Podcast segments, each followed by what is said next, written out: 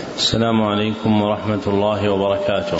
الحمد لله الذي رضي لنا الإسلام دينا وبعث إلينا محمدا رسولا صادقا أمينا. نحمده سبحانه حق الحمد ونسأله التوفيق للرشد ونصلي ونسلم على سيد المرسلين وإمام المتقين وخاتم النبيين وعلى آله وصحابته الأخيار المنتجبين وتابعيهم بإحسان إلى يوم الدين. أما بعد فحدثنا الحسن بن عبد الهادي الحسني وهو أول حديث سمعته منه. قال حدثنا عبد الستار بن عبد الوهاب الدهلوي وهو أول حديث سمعته منه.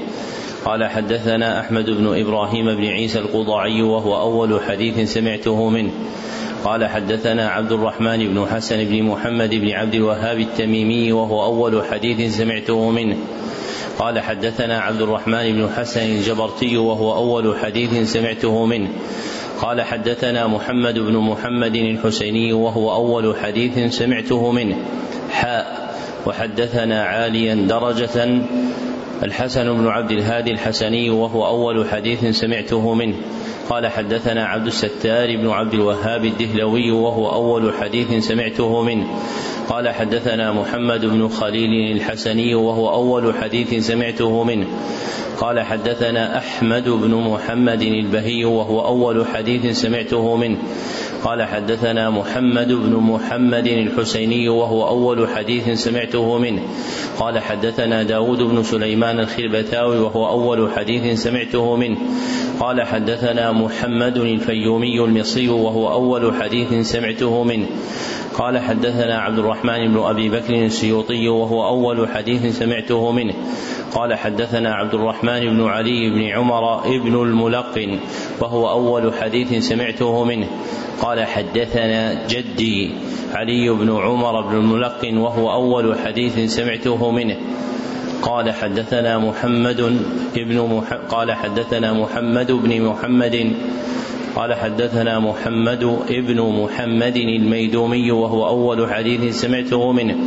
قال حدثنا عبد اللطيف بن عبد المنعم الحراني وهو أول حديث سمعته منه. قال حدثنا عبد الرحمن بن علي ابن الجوزي وهو أول حديث سمعته منه. قال حدثنا إسماعيل بن ابن أبي صالح النيسابوري وهو أول حديث سمعته منه. قال حدثنا أبي أحمد بن عبد الملك النيسابوري وهو أول حديث سمعته منه. قال حدثنا محمد بن محمد الزيادي وهو أول حديث سمعته منه. قال حدثنا أحمد بن محمد البزاز وهو أول حديث سمعته منه. قال حدثني عبد الرحمن بن بشر بن الحكم وهو أول حديث سمعته منه. قال حدثني سفيان بن عيينة وهو أول حديث سمعته منه. عن عمرو بن دينار عن أبي قابوس مولى عبد الله بن عمرو بن العاص عن عبد الله بن عمرو بن العاص رضي الله عنهما قال قال رسول الله صلى الله عليه وسلم الراحمون يرحمهم الرحمن يرحم من في الأرض يرحمكم من في السماء. وبعد فهذا المجلس الثاني من قراءة الكتاب الأول من برنامج السماع بالسرد المجود في قراءة كتب الحديث وهو كتاب الموطأ. وقد انتهت بنا قراءته إلى قوله رحمه الله تعالى افتتاحه الصلاة. نعم. أعوذ بالله من الشيطان الرجيم. بسم الله الرحمن الرحيم.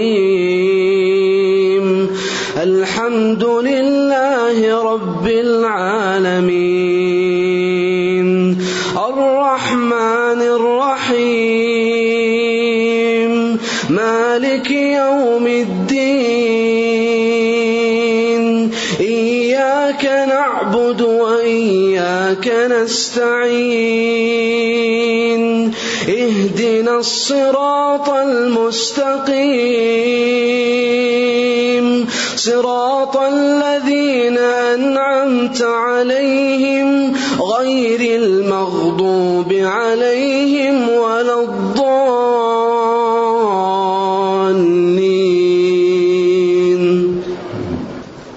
الحمد لله رب العالمين وصلى الله وسلم على نبينا محمد وعلى آله وصحبه أجمعين اللهم اغفر لشيخنا ولوالديه ولمشايخه وللحاضرين وللمسلمين أجمعين آمين.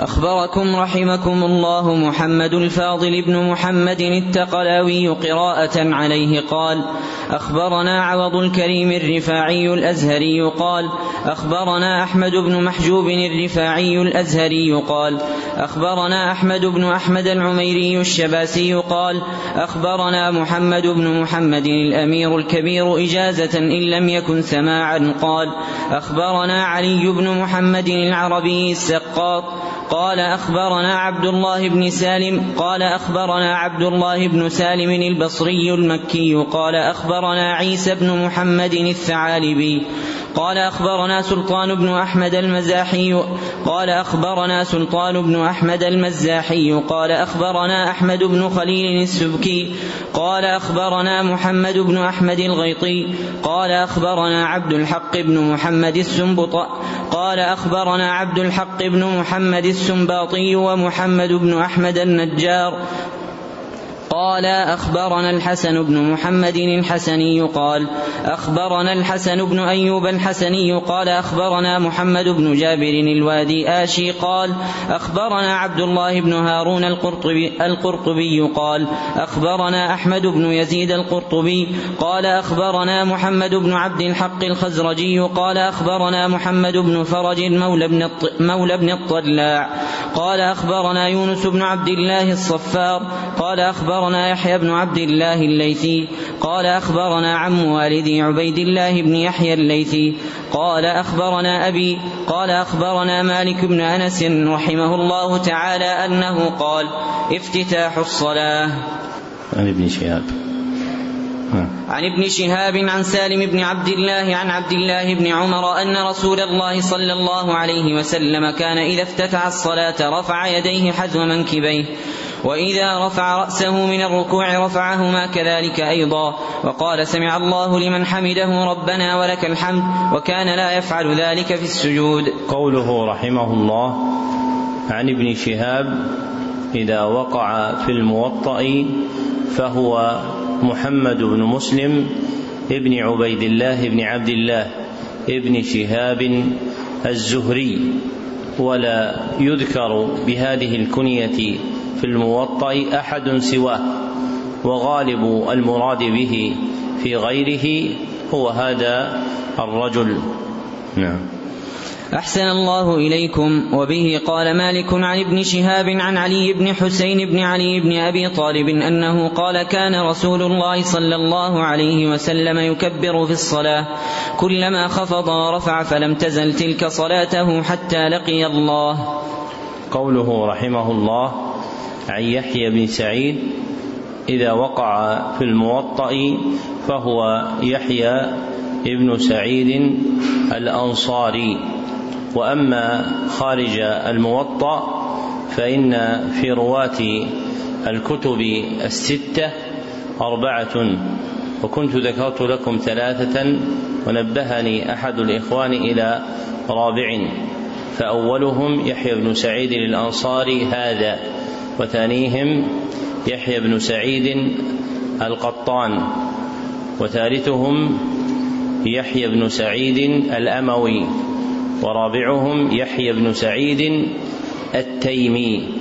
فهؤلاء أربعة كلهم اسمهم يحيى ابن سعيد من رواة الكتب الستة. بيد أن هذه النسبة الأموي مما ذكرنا هي في الكتب الستة لرجلين أحدهما يحيى ابن سعيد ابن أبان الأموي والآخر يحيى ابن سعيد ابن العاص الأموي. فصار المسمى فصار المسمون بيحيى ابن سعيد باعتبار الأنساب كم؟ أربعة أنصاري وتيمي والقطان والأموي. وباعتبار وباعتبار حقيقة أشخاصهم فهم خمسة. لأن المنسوب إلى بني أمية رجلان.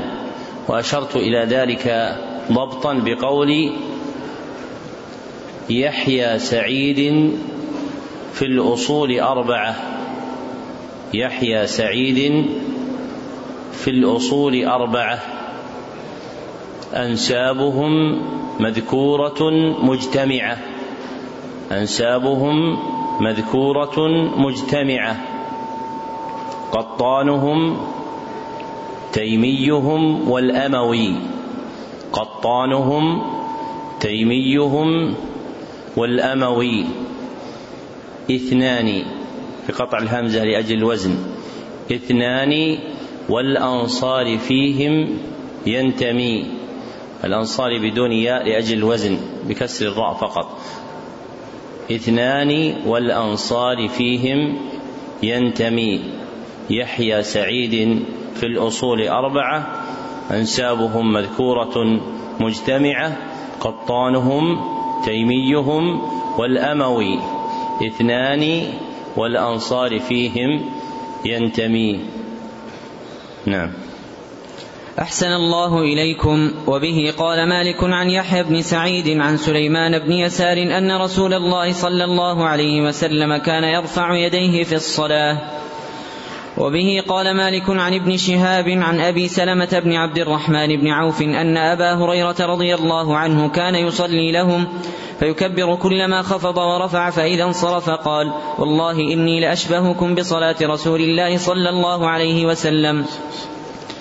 وبه قال مالك عن ابن شهاب عن سالم بن عبد الله أن عبد الله بن عمر رضي الله عنهما كان يكبر في الصلاة كلما خفض ورفع. وبه قال مالك عن نافع أن عبد الله بن عمر رضي الله عنهما كان إذا افتتح الصلاة رفع يديه حذو منكبيه وإذا رفع رأسه من الركوع رفعهما دون ذلك.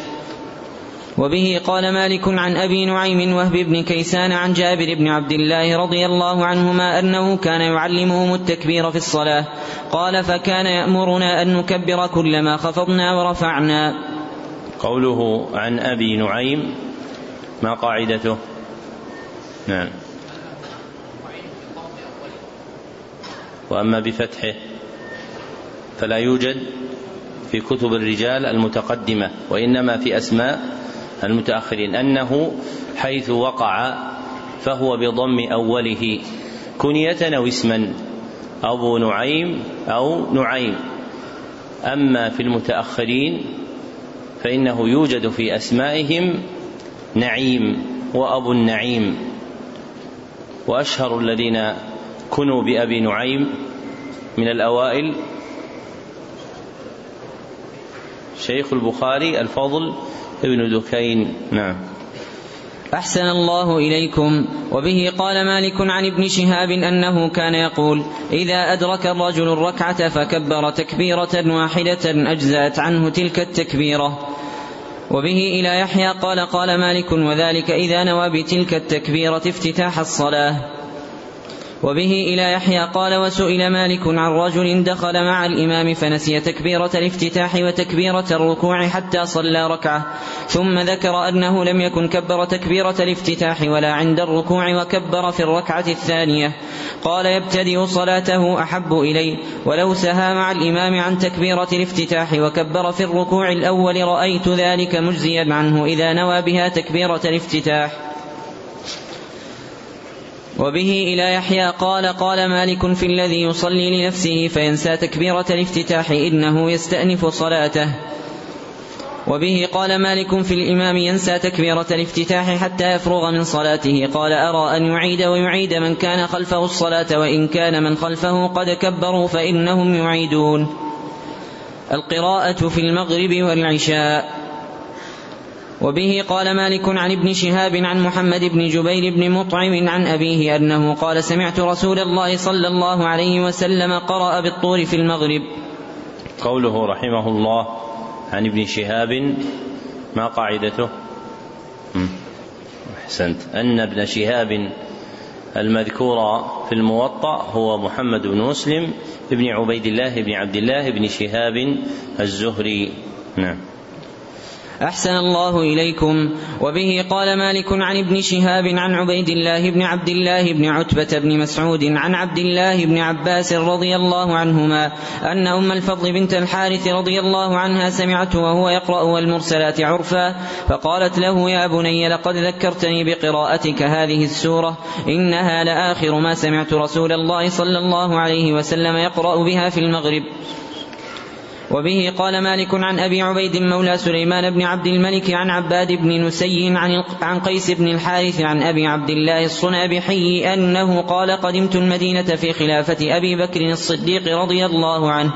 فصليت وراءه المغرب فقرأ في الركعتين الأوليين بأم القرآن وسورة سورة من قصار المفصل. ثم قام في الثالثة فدنوت منه حتى إن ثيابي لتكاد أن تمس ثيابه فسمعته قرأ بأم القرآن وبهذه الآية ربنا لا تزغ قلوبنا بعد إذ هديتنا وهب لنا من لدنك رحمة إنك أنت الوهاب. قوله رحمه الله عن عباد ابن نسي قاعدة عباد أن كل ما في الموطأ فهو بالتشديد وكذا سائر ما في كتب الرجال عباد إلا قيس بن عباد بضم العين وتخفيف الباء.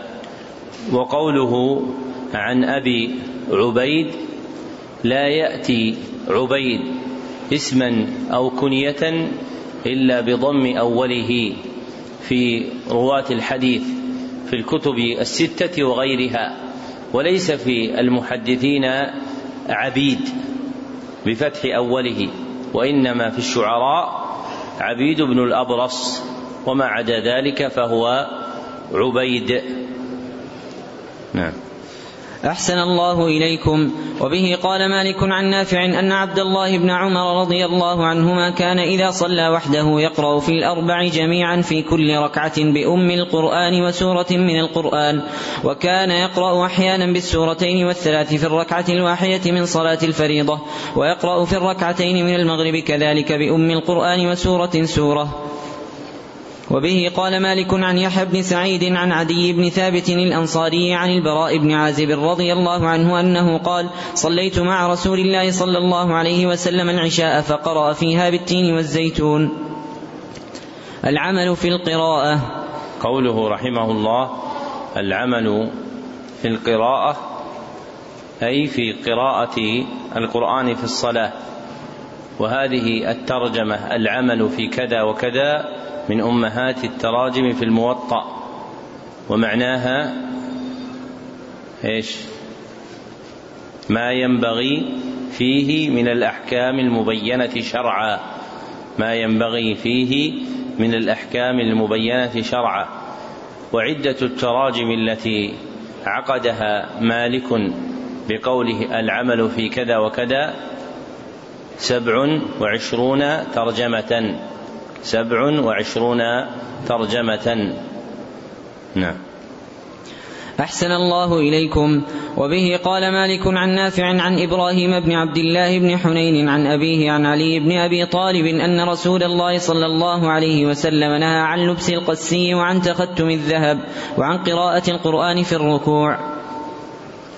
وبه قال مالك عن يحيى بن سعيد عن محمد بن إبراهيم بن الحارث التيمي عن أبي حازم التمار عن البياضي أن رسول الله صلى الله عليه وسلم خرج على الناس وهم يصلون وقد علت أصواتهم بالقراءة فقال إن المصلي يناجي ربه فلينظر بما يناجيه به ولا يجهر بعضكم على بعض بالقرآن. قوله رحمه الله عن أبي حازم التمار ليس في الموطأ اسما أو كنية حازما إلا بالحاء المهملة فليس فيه خازم فليس فيه خازم بالخاء المعجمة وخازم في أسماء الرواة قليل. ومن أشهر من عرف باسم خازم والد محمد بن خازم الكوفي. وكنيته أبو معاوية الضرير وليس له رواية في الموطأ. فكل ما يقع على هذا الرسم فهو بالحاء المهملة حازم. نعم. أحسن الله إليكم. وبه قال مالك عن حميد الطويل عن أنس بن مالك رضي الله عنه أنه قال قمت وراء أبي بكر وعمر وعثمان رضي الله عنهم فكلهم كان لا يقرأ بسم الله الرحمن الرحيم إذا افتتحوا الصلاة. وبه قال مالك عن عمه أبي سهيل بن مالك عن أبيه أنه قال كنا نسمع قراءة عمر بن الخطاب رضي الله عنه عند دار أبي جهم بالبلاط. وبه قال مالك عن نافع أن عبد الله بن عمر رضي الله عنهما كان إذا فاته شيء من الصلاة مع الإمام فيما جهر به الإمام بالقراءة أنه إذا سلم الإمام قام عبد الله فقرأ لنفسه فيما يقضي وجهر. وبه قال مالك عن يزيد بن رومان أنه قال كنت أصلي إلى جانب نافع بن جبير بن مطعم فيغمزني فأفتح عليه ونحن نصلي. القراءة في الصبح. وبه قال مالك عن هشام بن عروة عن أبيه أن أبا بكر الصديق رضي الله عنه صلى الصبح فقرأ فيها بسورة البقرة في الركعتين كلتيهما. وبه قال مالك عن هشام بن عروة عن أبيه أنه سمع عبد الله بن أنه سمع عبد الله بن عامر بن ربيعة يقول صلينا وراء عمر بن الخطاب رضي الله عنه الصبح فقرأ فيها بسورة يوسف وسورة الحج قراءة بطيئة فقلت والله إذا لقد كان يقوم حين يطلع الفجر قال أجل وبه قال مالك عن يحيى بن سعيد وربيعة بن أبي عبد الرحمن عن القاسم بن محمد أن الفرافصة بن أن الفرافصة بن عمير الحنفي قال: ما أخذت سورة يوسف إلا من قراءة عثمان بن عفان رضي الله عنه إياها في الصبح من كثرة ما كان يرددها. وبه قال مالك عن نافع أن عبد الله بن عمر رضي الله عنهما كان يقرأ في الصبح في السفر بالعشر السور الأول من المفصل في كل ركعة بأم القرآن وسورة. ما جاء في أم القرآن.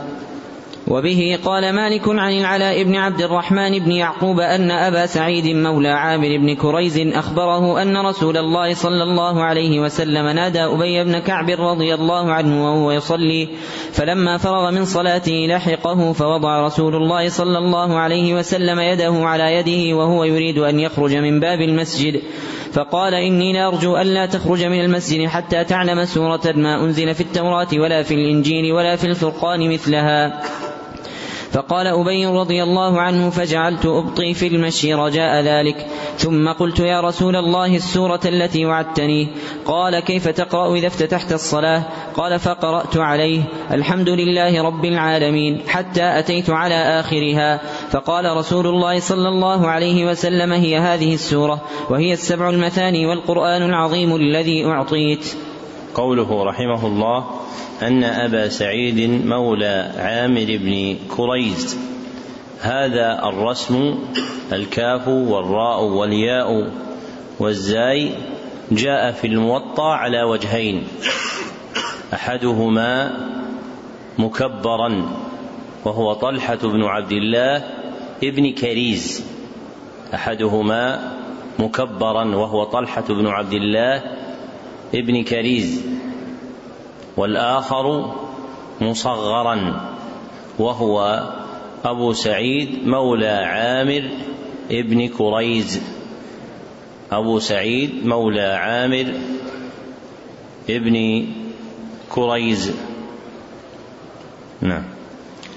أحسن الله إليكم. وبه إلى يحيى قال وحدثني عن مالك عن وهب بن كيسان أنه سمع جابر بن عبد الله رضي الله عنهما يقول من صلى ركعة لم يقرأ فيها بأم القرآن فلم يصل إلا وراء إمام. القراءة خلف الإمام فيما لا يجهر فيه بالقراءة.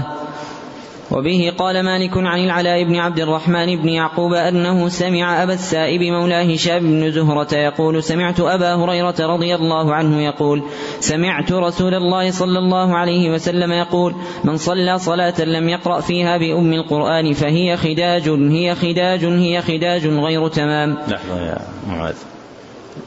السابق 276 قال وحدثني عما عندكم إيش؟ مالك وكتب في الهامش ضبطت الكاف في الأصل بالضمة والكسرة منونتين مع علامة التصحيح. يعني تكون وحدثني عن مالك عن وهب بن كيسان وحدثني عن مالك عن وهب بن كيسان كما أثبت هو. متى يكون الرفع؟ وحدثني مالك. الرفع يكون إذا أسقطت إذا أسقط حرف الجر وأما بإثباته فإنه يكون ب يكون بالجر. فصاحب النسخة التي اعتمدها وهي نسخة نفيسة يعني الخطية أراد أن ينبه إلى مجيئه إلى مجيئه تارة وحدثني مالك بالرفع وتارة وعن مالك عن يحيى عن مالك عن وهب بن كيسان. واضح؟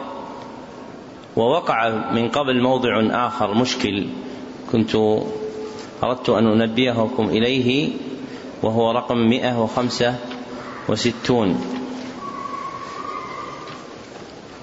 فإنه استوقفني ما أثبته. قال مالك عن نافع أن ابن عمر كان رقم 165 صفحة 71 مالك عن نافع أن ابن عمر كان يغسل جواريه رجليه. التركيب العربي يأبى هذا السياق. ولما لاح لي بالأمس لم أتجرأ أن أبادر إلى تغليط هذا الضبط فرجعت إلى نسخ الموطأ التي تيسرت من المطبوعة ومن الشروح فلم أجد فيها ما يشفي غلة في بيان صواب وجهه. والصواب أن ضبطه أن ابن عمر كان يغسل جواريه رجليه يغسل. جواريه رجليه. ما معنى يغسل؟ يعني يأمرهن بغسلها.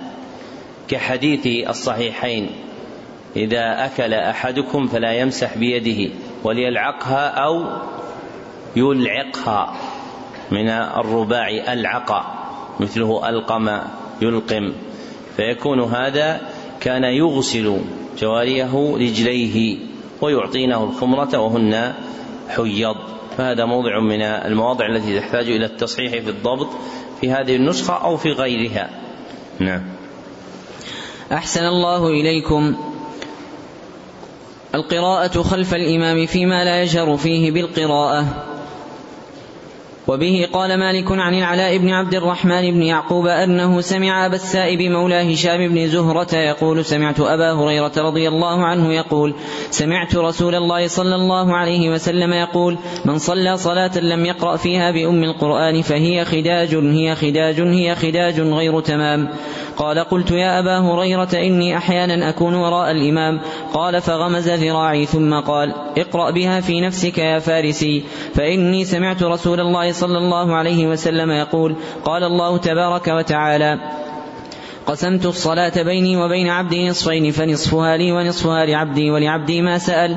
قال رسول الله صلى الله عليه وسلم اقرأوا. يقول العبد الحمد لله رب العالمين. يقول الله حمدني عبدي. يقول العبد الرحمن الرحيم. يقول الله أثنى علي عبدي. يقول العبد مالك يوم الدين. يقول الله مجدني عبدي. يقول العبد إياك نعبد وإياك نستعين. فهذه الآية بيني وبين عبدي ولعبدي ما سأل. سأل يقول العبد اهدنا الصراط المستقيم صراط الذين أنعمت عليهم غير المغضوب عليهم ولا الضالين. فهؤلاء لعبدي ولعبدي ما سأل.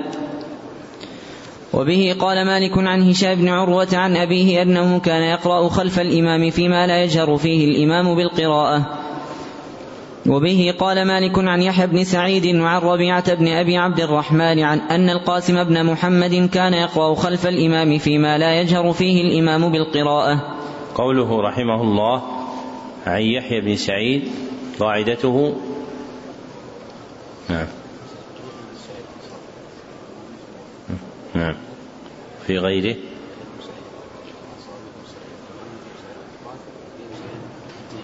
أحسنت. قاعدته أن يحيى بن سعيد في الموطأ هو الأنصاري وأما خارجه فإن النسبة أربعة في رواة الكتب الستة الأنصاري والتيمي والقطان والأموي. والأموي رجلان. نعم. أحسن الله إليكم. وبه قال مالك عن يزيد بن رومان أن نافع بن جبير بن مطعم كان يقرأ خلف الإمام فيما لا يجهر فيه الإمام بالقراءة. وبه إلى يحيى قال قال مالك وذلك أحب ما سمعت إلي في ذلك. ترك القراءة خلف الإمام فيما جهر فيه. وبه قال مالك عن نافع أن عبد الله بن عمر رضي الله عنهما كان إذا سئل هل يقرأ أحد خلف الإمام قال إذا صلى أحدكم خلف الإمام فحسبه قراءة الإمام وإذا صلى وحده فليقرأ. قال وكان عبد الله بن عمر لا يقرأ خلف الإمام. وبه إلى يحيى قال سمعت مالكا يقول الأمر عندنا أن يقرأ الرجل وراء الإمام فيما لا يجهر فيه الإمام بالقراءة ويترك, ويترك القراءة فيما يجهر فيه الإمام بالقراءة.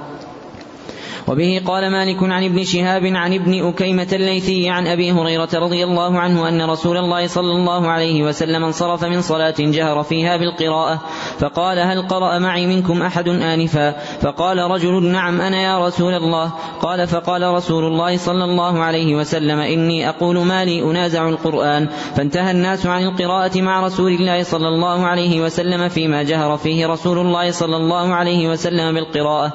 حين سمعوا ذلك من رسول الله صلى الله عليه وسلم. هذا هذا السند مسلسل بماذا؟ مسلسل بالمكنين ابن شهاب ابن أكيمة أبي هريرة.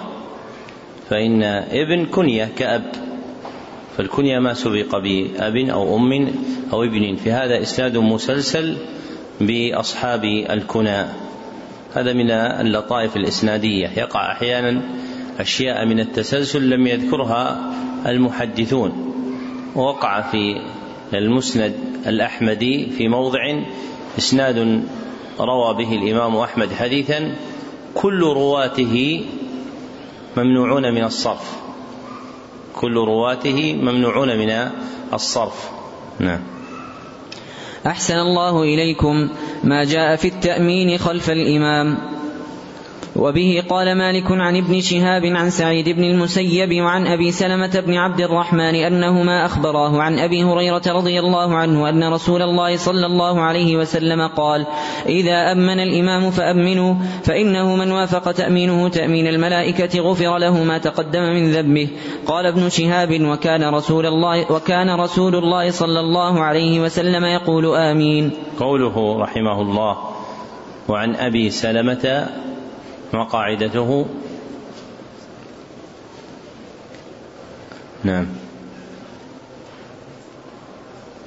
أنه ليس في الموطأ أبو سلمة إلا هذا أبو سلمة بن عبد الرحمن بن عوف. لكن فيها أدق منها. قلنا أن سلمة لا يأتي في الموطأ إلا بفتح لامه. وأما خارج الموطأ فبكسرها عمرو ابن سلمة الجرمي رضي الله عنه وأيضا بنو سلمة من الأنصار. نعم. أحسن الله إليكم. وبه قال مالك وبه قال مالك عن سمي مولى أبي بكر بن عبد الرحمن عن أبي صالح السمان عن أبي هريرة رضي الله عنه أن رسول الله صلى الله عليه وسلم قال إذا قال الإمام صراط الذين أنعمت عليهم غير المغضوب عليهم ولا الضالين فقولوا آمين فإنه من وافق قوله قول الملائكة غفر له ما تقدم من ذنبه. قوله رحمه الله عن سمي ما قاعدته؟ نعم. هذا منه طيب. أن سميا المذكورة في الموطأ هو المدني هو الثقة. سمي التيمي مولاهم وهو ثقة. وأما في خارج الموطأ أحسنت. سمي بن قيس اليماني. سمي بن قيس اليماني. نعم. أحسن الله إليكم. وبه إلى يحيى قال حدثني مالك عن أبي الزناد عن الأعرج عن أبي هريرة رضي الله عنه أن رسول الله صلى الله عليه وسلم قال إذا قال أحدكم آمين قالت الملائكة في السماء آمين فوافقت إحداهما الأخرى غفر له ما تقدم من ذنبه. قوله عن الأعرج ما قاعدته؟ نعم. أحسنت. أن الأعرج إذا أطلق لقبا في الموطأ فهو عبد الرحمن بن هرمز المدني الراوي عن أبي هريرة. وقوله عن أبي الزناد ما قاعدته؟ نحن نهتم بالقواعد ليس بيان كون يعني أسماء المكنين أو كون المسمين نهتم بالقاعدة. ما القاعدة؟ ها يا أخي.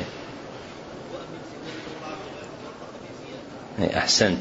أن هذا الرسم أبو الزناد لم يأتي في كتب الحديث إلا عبد الله بن ذكوان المدني صاحب الأعرج. وأما في ما عدا ذلك فهو أبو زياد. نعم. أحسن الله إليكم.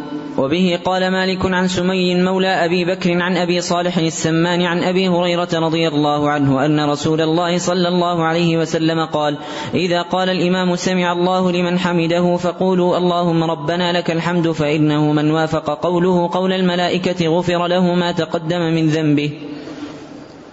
العمل في الجلوس في الصلاة. هذه الترجمة كم أورد بها؟ يقولون الإخوان سبع وعشرون ترجمة. سبع وعشرون ترجمة. نعم.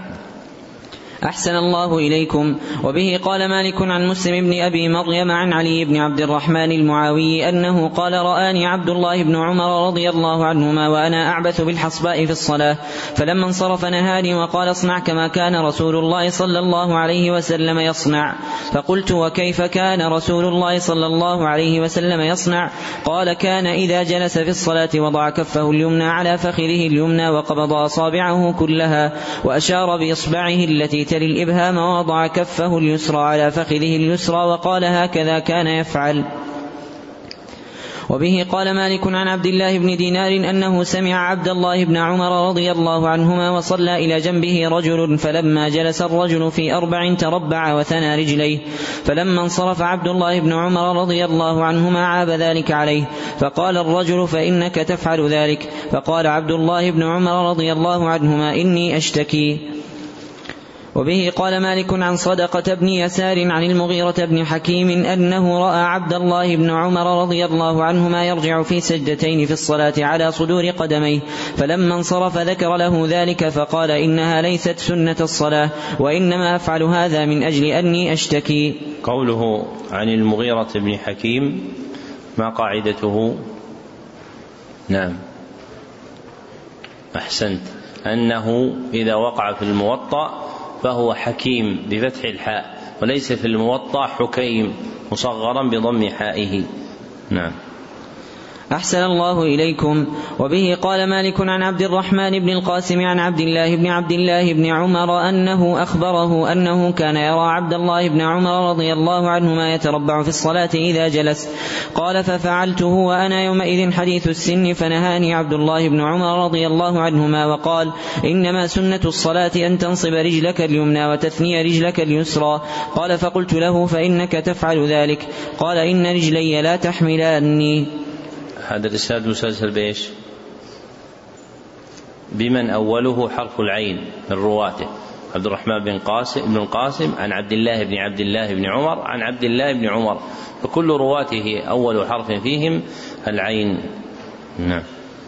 أحسن الله إليكم. وبه قال مالك عن يحيى بن سعيد أن القاسم بن محمد أراهم الجلوس في التشهد فنصب رجله اليمنى وثنى رجله اليسرى وجلس على وركه الأيسر ولم يجلس على قدمه ثم قال أراني هذا عبد الله بن عبد الله بن عمر وحدثني أن أباه كان يفعل ذلك. التشهد في الصلاة. مخففة وثنى رجله اليسرى. صححوها. فنصب رجله اليمنى وثنى رجله اليسرى.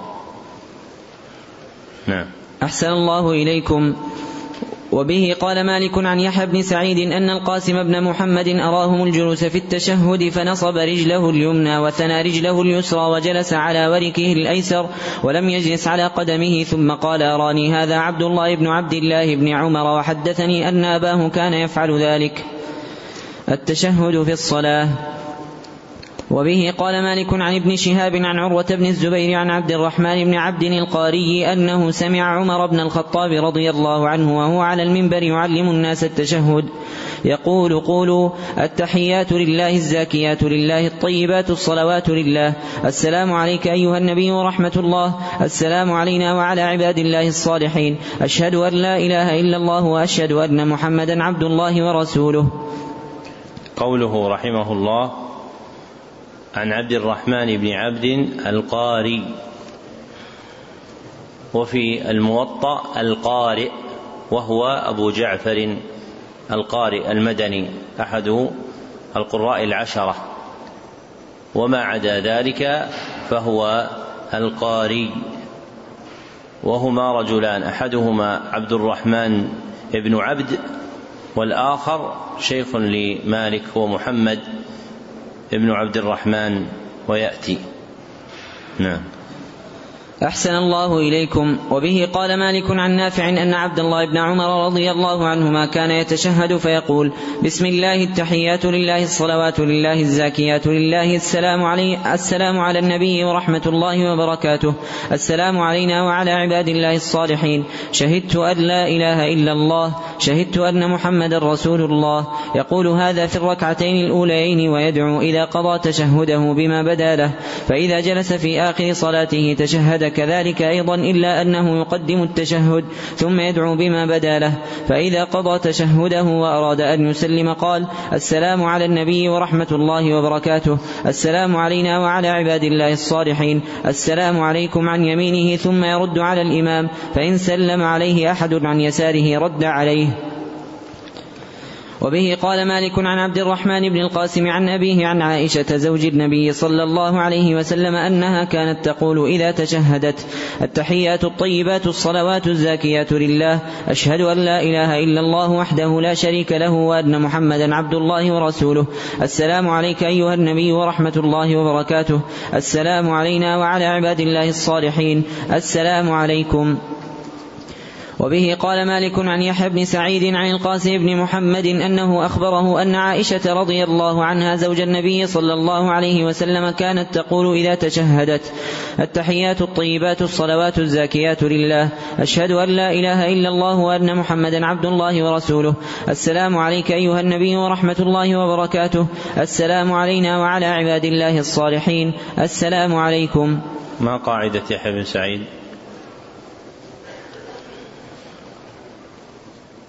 نعم يا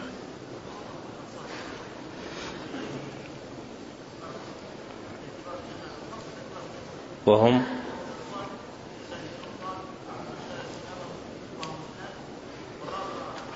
التيمي. أحسنت نعم. أحسن الله إليكم. وبه قال مالك أنه سأل ابن شهاب ونافعا مولى ابن عمر رضي الله عنهما عن رجل دخل مع إمام في الصلاة وقد سبقه الإمام بركعة أيتشهد معه في الركعتين والأربع وإن كان ذلك له وترا. فقال نعم ليتشهد معه. وبه إلى يحيى قال قال مالك وهو الأمر عندنا. ما يفعل من رفع رأسه قبل الإمام. وبه قال مالك عن محمد بن عمرو بن علقمة عن مليح بن عبد الله السعدي عن أبي هريرة رضي الله عنه أنه قال الذي يرفع رأسه ويخفضه قبل الإمام فإنما ناصيته بيد شيطان. قوله عن مليح بن عبد الله هو بضم أوله وليس في الموطأ مليح مكبرا بفتحها ولا لهذا الراوي إلا هذا الحديث.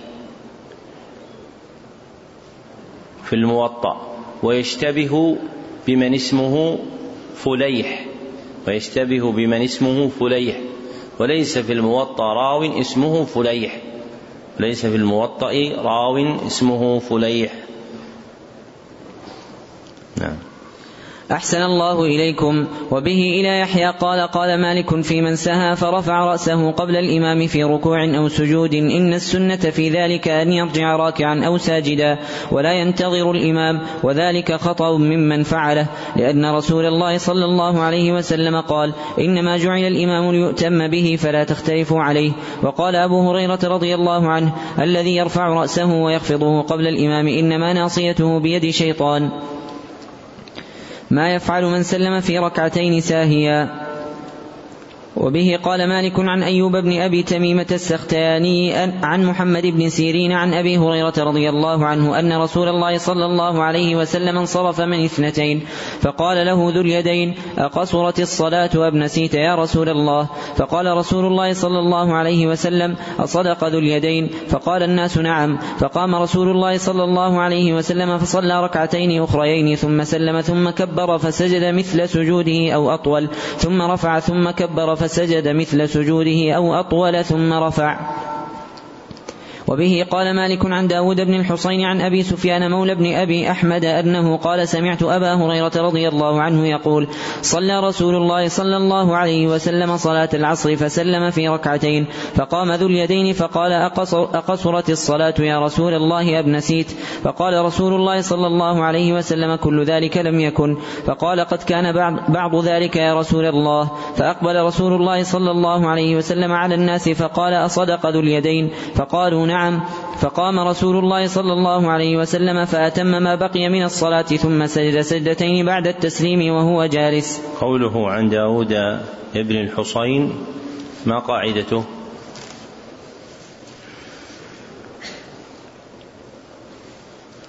نعم. أن الحصين لم يأتي في الموطأ إلا بضم حائها وهو الأغلب في أسماء الرواة إلا أبا حصين عثمان بن عامر الكوفي فإنه بفتح أوله.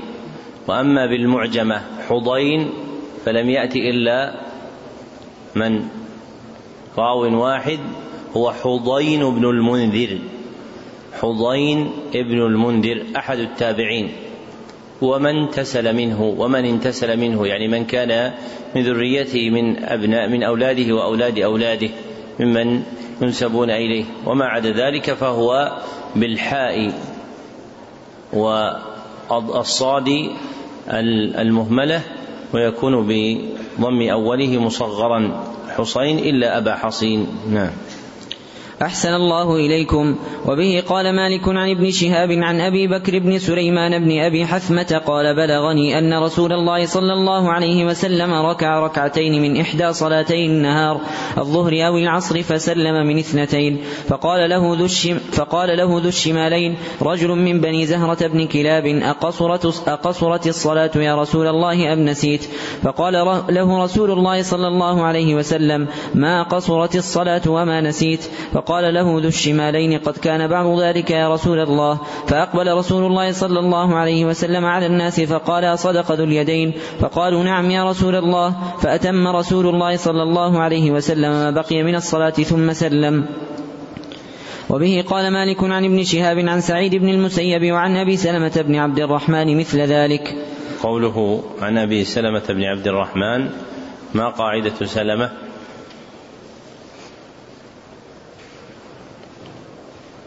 هاي صدان بفتح اللام. إلا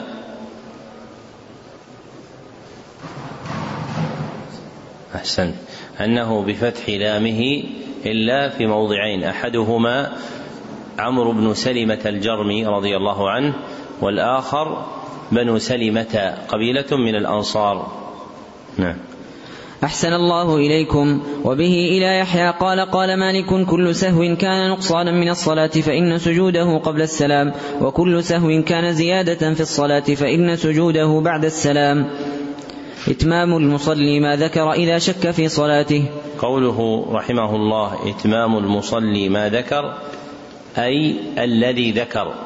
فما هنا اسم موصول بمعنى الذي أي الذي ذكر فما هنا اسم موصول بمعنى الذي. نعم. أحسن الله إليكم. وبه قال مالك عن زيد بن أسلم عن عطاء بن يسار أن رسول الله صلى الله عليه وسلم قال إذا شك أحدكم في صلاته فلم يدر كم صلى أثلاثا أم أربعة فليصلي ركعة وليسجد سجدتين وهو جالس قبل التسليم. فإن كانت الركعة التي صلى خامسة شفعها بهاتين السجدتين وإن كانت رابعة فالسجدتان ترغيم للشيطان.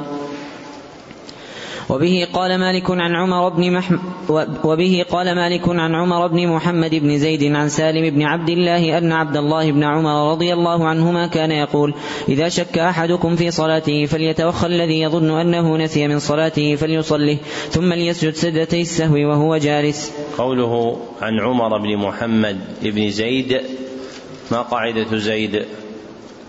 نعم.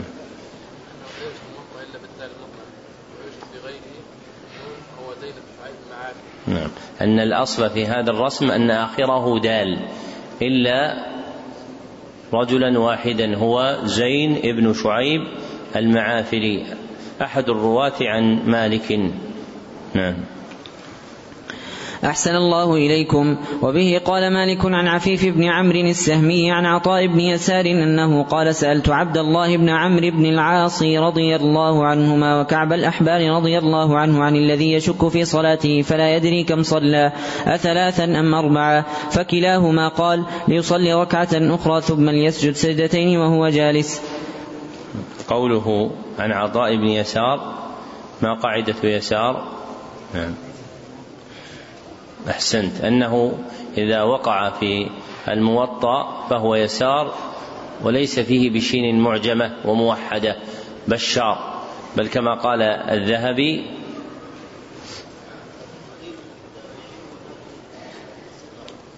لا عكست ها يا أخي أحسنت. وهو نادر في التابعين معدوم في الصحابة. أي لا يوجد فيهم من اسمه بشار. وهو في التابعين قليل. نعم. أحسن الله إليكم. وبه قال مالك عن نافع أن عبد الله بن عمر رضي الله عنهما كان إذا سئل عن النسيان في الصلاة قال ليتوخى أحدكم الذي يظن أنه نسي من صلاته فليصله من قام بعد الإتمام أو في الركعتين. وبه قال مالك عن ابن شهاب عن الأعرج عن عبد الله بن بحينة أنه قال صلى لنا رسول الله صلى الله عليه وسلم ركعتين ثم قام فلم يجلس فقام الناس معه فلما قضى صلاته ونظرنا تسليمه كبر ثم سجد سجدتين وهو جالس قبل التسليم ثم سلم. قوله عن الأعرج ما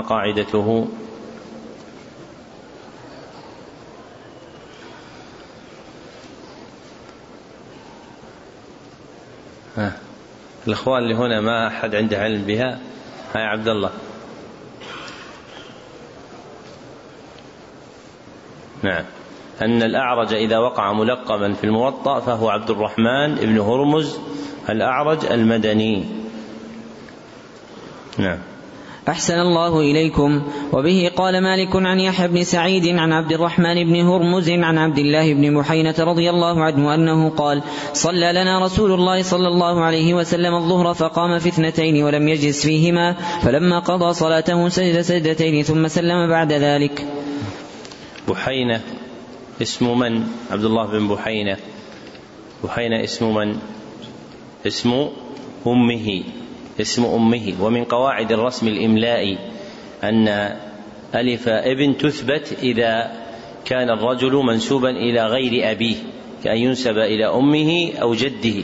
فإذا نسب إلى أمه أو جده أو ما على من نسبه فلا بد من إثبات ألف ابن. فكان ينبغي إثباتها في الموضعين في هذا الحديث. نعم. أحسن الله إليكم. وبه إلى يحيى قال قال مالك في من سهى في صلاته فقام بعد إتمامه الأربع فقرأ هذا العلم علم الإملاء مما يوسف له أنه صار من العلوم المهجورة واشتدت هجرته بعد فشو الأجهزة الإلكترونية من الجوالات والحواسيب وغيرها. وينبغي أن يحرص طالب العلم على تعلم قواعد الإملاء ومن أحسن الرسائل المختصرة فيه رسالة الإملاء للعلامة عبد السلام هارون رحمه الله تعالى فهي رسالة موجزة نافعة في ذلك. ووراءها رسالة كبيرة اسمها كتاب الإملاء للعلامة حسين والي الأزهري وهي رسالة نافعة أيضا. وإذا أكمل طالب العلم مثلثا بالمطالع النصرية المطالع النصرية لنصر الهوريني فهو كتاب نافع لأن الرسم صار يقع في الكتب المتأخرة على خلاف القواعد المحررة عند المحققين فينبغي أن يجتهد طالب العلم في تعلم علم الإملاء وضبط قواعده. نعم. أحسن الله إليكم. وبه إلى يحيى قال قال مالك في من سهى في صلاته فقام بعد إتمامه الأربع فقرأ ثم ركع فلما رفع رأسه من ركوعه ذكر أنه قد كان أتم. إنه يرجع فيجلس ولا يسجد. ولو سجد إحدى السجدتين لم أرى أن يسجد الأخرى. ثم إذا قضى صلاته فليسجد سجدتين وهو جالس بعد التسليم. النظر في الصلاة إلى ما يشغلك عنها. وبه قال مالك عن علقمة بن أبي علقمة أن عائشة رضي الله عنها زوج النبي صلى الله عليه وسلم قالت أهدى أبو جهم بن حذيفة إلى رسول الله صلى الله عليه وسلم خميصة شامية لها علم فشهد فيها الصلاة فلما انصرف قال ردي هذه قال ردي هذه القميصة إلى أبي جهم فإني نظرت إلى علمها في الصلاة فكاد يفتنني. قوله رحمه الله أهدى أبو جهم ابن حذيفة أبو جهم وقع في الموطأ في مواضع مكبرا وهو صحابي من قريش. ووقع فيه أيضا أبو الجهيم مصغرا وهو صحابي من الأنصار وهو صحابي من الأنصار. فالموطأ فيه اسمان متقاربان أحدهما مكبر والآخر مصغر يرجعان إلى هذا الأصل. فالأول أبو الجهم ابن حذيفة القرشي والمصغر أبو الجهيم عبد الله ابن الحارث الأنصاري. طيب كيف تضبط كيف تحفظ هذا وهذا؟ دائما العناية بالضوابط التي تقوي الحفظ من أهم مسالك الحفظ. فتحفظها أيهم أفضل؟ قريش أم الأنصار؟ قريش. قريش أفضل العرب. فالراوي الذي من قريش مكبر والراوي الذي من الأنصار مصغر. نعم. أحسن الله إليكم. وبه قال مالك عن هشام بن عروة عن أبيه أن رسول الله صلى الله عليه وسلم لبس خميصة لها علم ثم أعطاها أبا جهل وأخذ من أبي جهم أنبجانية له فقال يا رسول الله ولما فقال إني نظرت إلى علمها في الصلاة. هذا القرشي أم الأنصاري؟ القرشي لأنه مكبر. نعم. أحسن الله إليكم. وبه قال مالك عن عبد الله بن أبي بكر أن أبا طلحة الأنصاري كان يصلي في حائطه فطار دبسي فطفق يتردد يلتمس مخرجا فأعجبه ذلك فجعل يتبعه بصره ساعة ثم رجع إلى صلاته فإذا هو, فإذا هو لا يدري كم صلى. فقال لقد أصابتني في مالي هذا فتنة. فجاء إلى رسول الله صلى الله عليه وسلم فذكر له الذي أصابه في حائطه من الفتنة. وقال يا رسول الله هو صدق صدقة لله فضعه حيث شئت. وبه قال مالك عن عبد الله بن أبي بكر أن رجلا من الأنصار كان يصلي في حائط له بالقف واد من أودية المدينة في زمان الثمر والنخل قد ذللت فهي مطوقة بثمرها فنظر إليها فأعجبه ما رأى من ثمرها ثم رجع إلى صلاته فإذا هو لا يدري كم صلى فقال قد أصابتني في مالي هذا فتنة فجاء عثمان بن عفان رضي الله عنه وهو يومئذ خليفة فذكر له ذلك وقال هو صدقة فاجعله في سبل الخير فباعه باعه عثمان بن عفان رضي الله عنه بخمسين ألفا فيسمى ذلك المال الخمسون. كتاب السهو العمل في السهو. لا هذا ليس من الموطأ. كتاب السهو قال هو ليس هذا العنوان في المخطوطات الثلاث فلا تنبغي قراءته. والأفضل أن ما كان خارجا من كلام المصنف يجعل في أطراف الكتاب ولا يدخل في نصه. ولو أدخل البيان فإنه لا يقرأ لأن مالكا لم يقل كتاب السهو وإنما زاده المحقق رغبة في الإيضاح. وقد كتبت على نسختي ما زيد في الكتاب للبيان لا تقرأ ودعه للعينان. ما زيد في الكتاب للبيان لا تقرأ ودعه للعينان. لماذا لا تقرأ؟ لأنه ليس ليس من الكتاب فلا ينسب إلى مصنفه. ما زيد في الكتاب للبيان لا تقرأ ودعه للعينان. نعم. أحسن الله إليكم. العمل في السهو. قوله العمل في السهو ما معناه أحسنت. ما ينبغي فيه من الأحكام المبينة شرعا. وهذه الترجمة من أمهات التراجم فقد صدر بها مالك سبعا وعشرين ترجمة. نعم. أحسن الله إليكم. وبه قال مالك عن ابن شهاب عن أبي سلمة بن عبد الرحمن بن عوف عن أبي هريرة رضي الله عنه أن رسول الله صلى الله عليه وسلم قال إن أحدكم إذا قام يصلي جاءه الشيطان فلبس عليه حتى لا يدري كم صلى فإذا وجد ذلك أحدكم فليسجد سجدتين وهو جالس. وبه قال مالك أنه بلغه أن رسول الله صلى الله عليه وسلم قال إني لأنسى أو أنسى لأس وبه قال مالك أنه في الحاشية قال هذا أحد الأحاديث التي انفرد بها مالك ولا يحفظ لغيره. يعني هذا من الأحاديث التي قيل إنها لم توجد إلا في موطأ مالك ولم يصلها غيره. وهي عندهم كم حديث؟ أربعة أحاديث. وصنف أبو عمرو بن الصلاح رسالة نفيسة فيها. وهذه الرسالة من نوادر التأليف وقد طبعت قديما عن نسخة سقيمة وهي تطبع بحمد الله لأول مرة عن نسختين خطيتين في نسخة سنوزعها إن شاء الله تعالى في أحد المجالس في الموطأ ونقرأها بإذنه تعالى. نعم. أحسن الله إليكم. وبه قال مالك أنه بلغه أن رجلا سأل القاسم بن محمد فقال له إني لأهم في صلاتي فيكثر ذلك علي. فقال القاسم امض في صلاتك فإنه لن يذهب عنك حتى تنصرف وأنت تقول ما أتممت صلاتي. العمل في غسل يوم الجمعة. وبه قال مالك عن سمي مولى أبي بكر بن عبد الرحمن عن أبي صالح عن أبي هريرة رضي الله عنه أن رسول الله صلى الله عليه وسلم قال من اغتسل يوم الجمعة غسل الجنابة ثم راح في الساعة الأولى فكأنما قرب فكأنما قرب بدنه. ومن راح في الساعة الثانية فكأنما قرب بقرة. ومن راح في الساعة الثالثة فكأنما قرب كبشا أقرا. ومن راح في الساعة الرابعة فكأنما قرب دجاجة. ومن راح في الساعة الخامسة فكأنما قرب بيضة. فإذا خرج الإمام حضرت الملائكة يستمعون الذكر. وبه قال مالك عن سعيد بن أبي سعيد المقبوري عن أبي هريرة رضي الله عنه أنه كان يقول غسل يوم الجمعة واجب على كل محتلم كغسل الجنابة.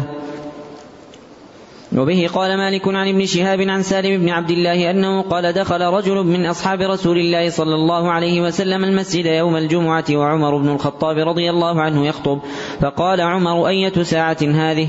قال يا أمير المؤمنين انقلبت من السوق فسمعت النداء فما زدت على أن توضأت فقال عمر الوضوء أيضا وقد علمت أن رسول الله صلى الله عليه وسلم كان يأمر بالغسل. وبه قال مالك عن صفوان بن سليم عن عطاء بن يسار عن أبي سعيد الخدري رضي الله عنه أن رسول الله صلى الله عليه وسلم قال غسل يوم الجمعة واجب على كل محتلم. قوله عن عطاء بن يسار يسار لم يأتي في الموطأ إلا بياء تحتانية وسين مهملة فليس فيه بشار. وقوله عن صفوان بن سليم قاعدة سليم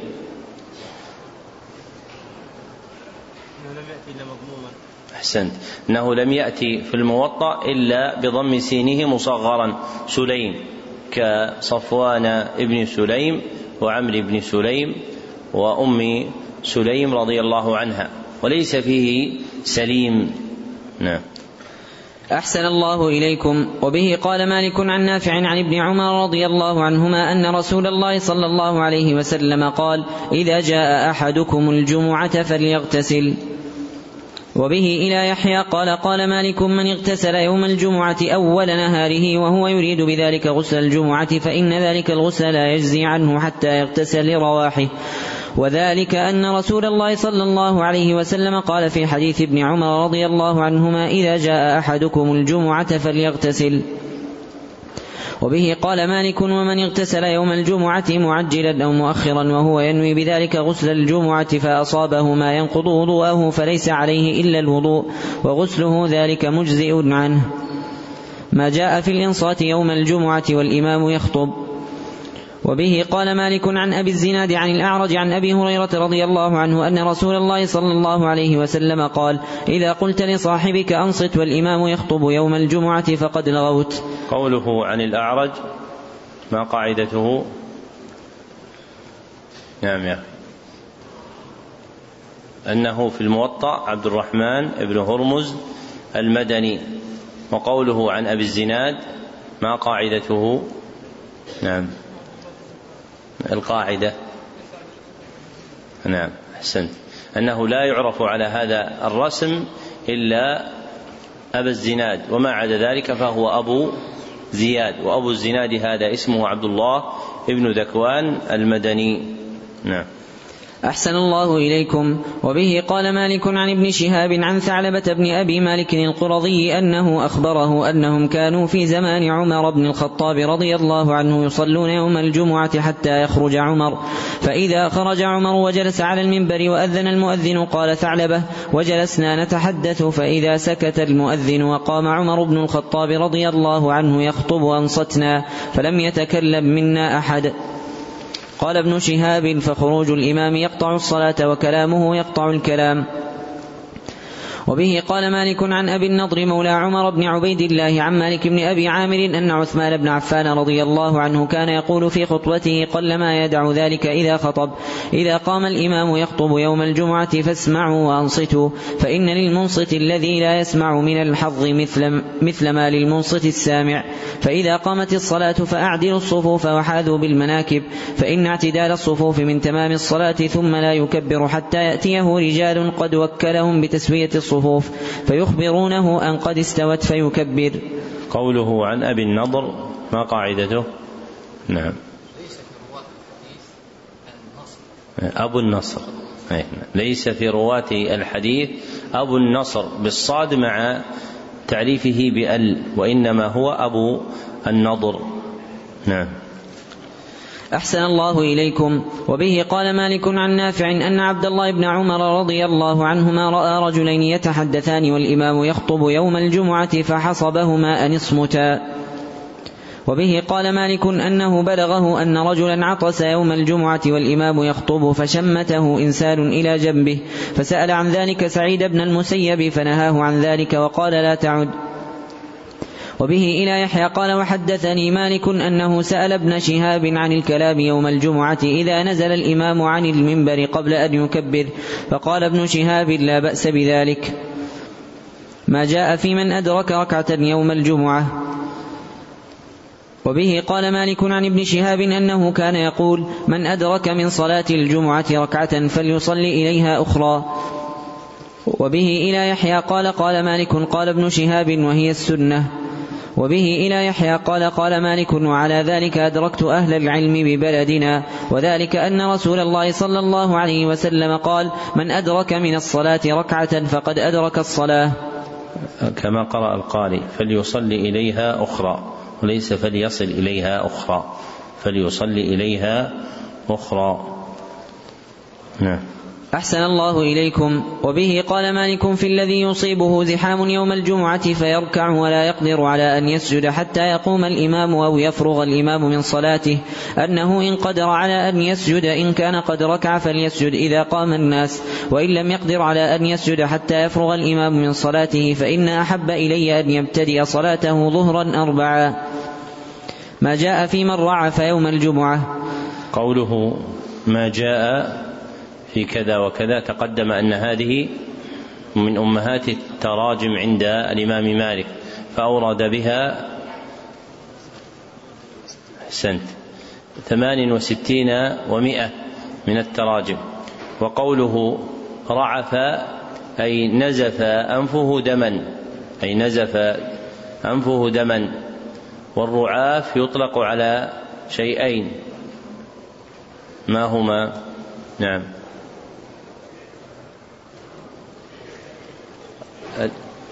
أحسنت. يطلق على شيء أحدهما خروج الدم من الأنف والآخر الدم الخارج نفسه. نعم. أحسن الله إليكم. وبه, وبه إلى يحيى قال قال مالك من رعف يوم الجمعة والإمام يخطب فخرج فلم يرجع حتى فرغ الإمام من صلاته فإنه يصلي أربعا وبه إلى يحيى قال قال مالك في الذي يركع ركعة مع الإمام يوم الجمعة ثم يرعف فيخرج فيأتي وقد صلى الإمام الركعتين كلتيهما أنه يبني بركعة أخرى ما لم يتكلم. وبه قال مالك ليس على من رعف أو أصابه أمر لا بد له من الخروج أن يستأذن الإمام يوم الجمعة إذا أراد أن يخرج. ما جاء في السعي يوم الجمعة.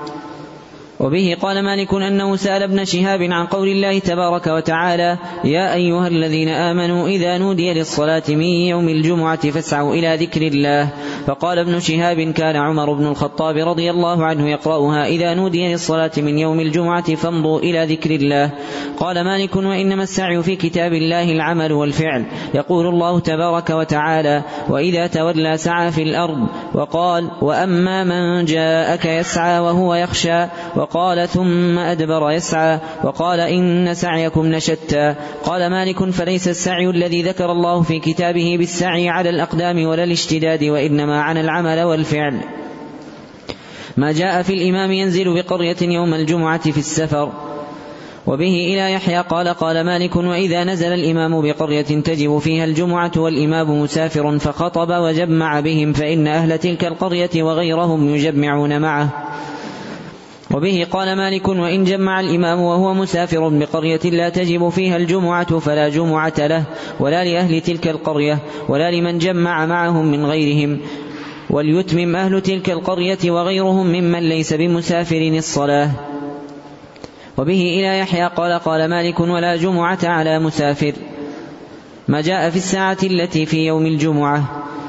وبه قال مالك عن أبي الزناد عن الأعرج عن أبي هريرة رضي الله عنه أن رسول الله صلى الله عليه وسلم ذكر يوم الجمعة فقال فيه ساعة لا يوافقها عبد مسلم وهو قائم يصلي يسأل الله شيئا إلا أعطاه إياه وأشار رسول الله صلى الله عليه وسلم بيده يقللها وبه قال مالك عن يزيد بن عبد الله بن الهادي عن محمد بن إبراهيم بن الحارث التيمي عن أبي سلمة بن عبد الرحمن عن أبي هريرة رضي الله عنه أنه قال خرجت إلى الطور فلقيت كعب الأحبار فجلست معه فحدثني عن التوراة وحدثته عن رسول الله صلى الله عليه وسلم.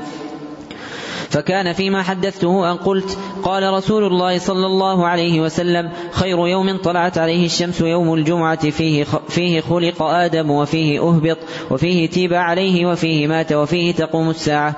وما من دابة إلا وهي مصيخة يوم الجمعة من حين تصبح حتى تطلع الشمس شفقا من الساعة إلا الجن والإنس.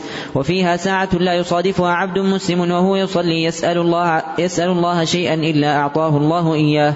قال كعب ذلك في كل سنة يوم فقلت بل في كل جمعة. فقرأ كعب التوراة فقال صدق رسول الله صلى الله عليه وسلم. قال أبو هريرة رضي الله عنه فلقيت بصرة بن أبي بصرة الغفاري فقال فقال من أين أقبلت؟ فقلت من الطور. فقال لو أدركتك قبل أن تخرج إليه ما خرجت سمعت رسول الله صلى الله عليه وسلم يقول لا تعمل المطي إلا إلى ثلاثة مساجد إلى المسجد الحرام أو إلى مسجد هذا أو إلى مسجد إيلياء أو إلى مسجد إيلياء أو بيت المقدس.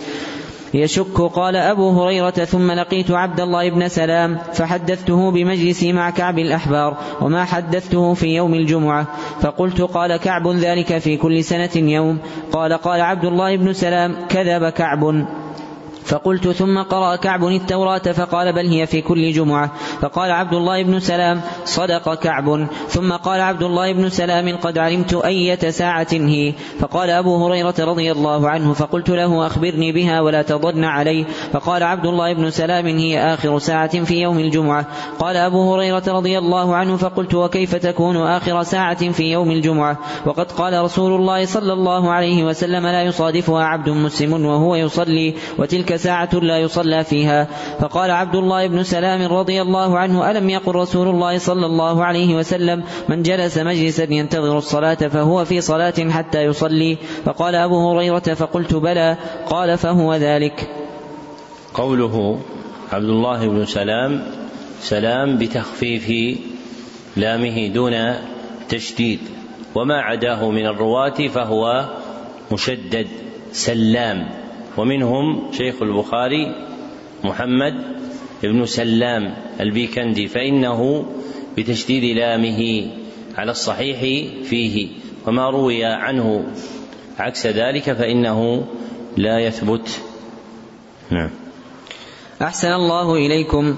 الهيئة وتخطي الرقاب واستقبال الإمام يوم الجمعة.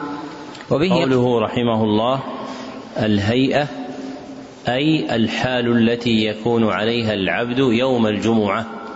أي الحال التي يكون عليها العبد يوم الجمعة. وتخطي الرقاب تعديها. وتخطي الرقاب تعديها ومجاوزتها. نعم. أحسن الله إليكم. وبه قال مالك عن يحيى بن سعيد أنه بلغه أن رسول الله صلى الله عليه وسلم قال ما على أحدكم لو اتخذ ثوبين لجمعته سوى ثوبي مهنته.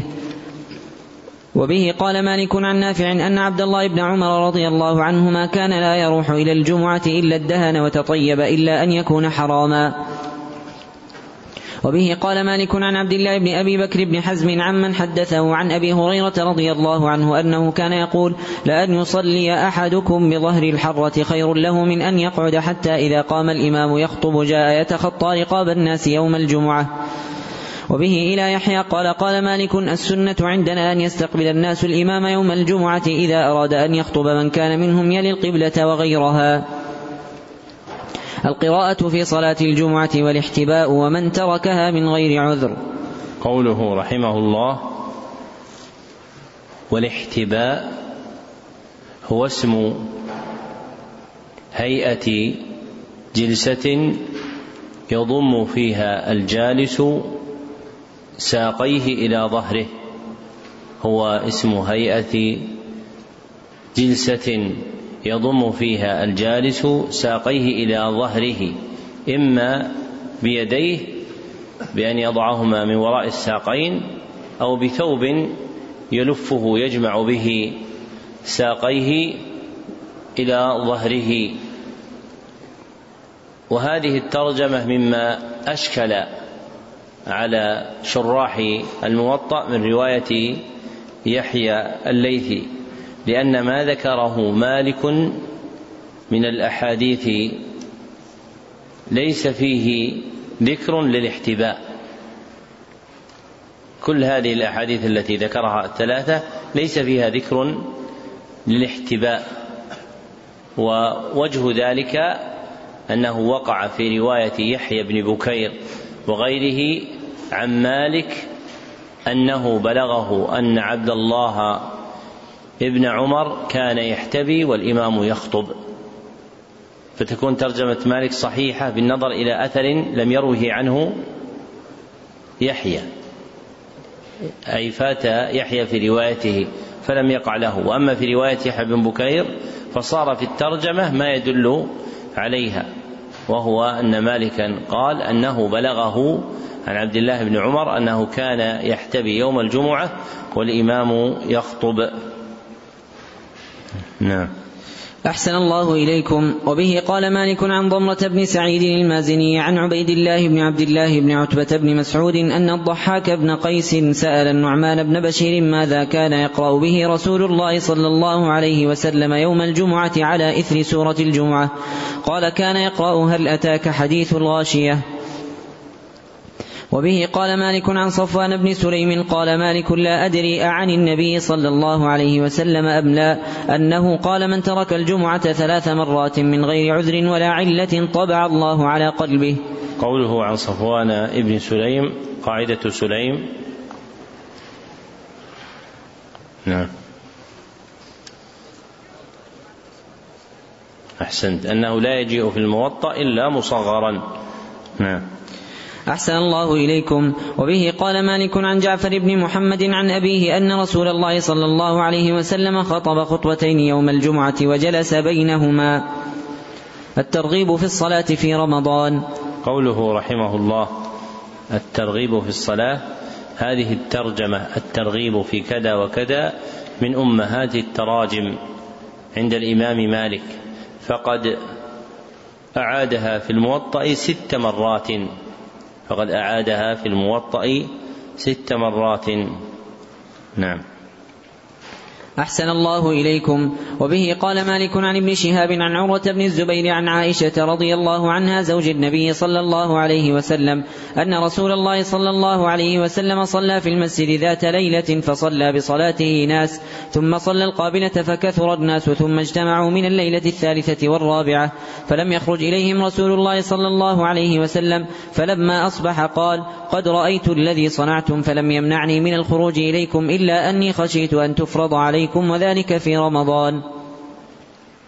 وبه قال مالك عن ابن شهاب عن أبي سلمة بن عبد الرحمن بن عوف عن أبي هريرة رضي الله عنه أن رسول الله صلى الله عليه وسلم كان يرغب في قيام رمضان من غير, من غير أن يأمر بعزيمة فيقول من قام رمضان إيمانا واحتسابا غفر له ما تقدم من ذنبه.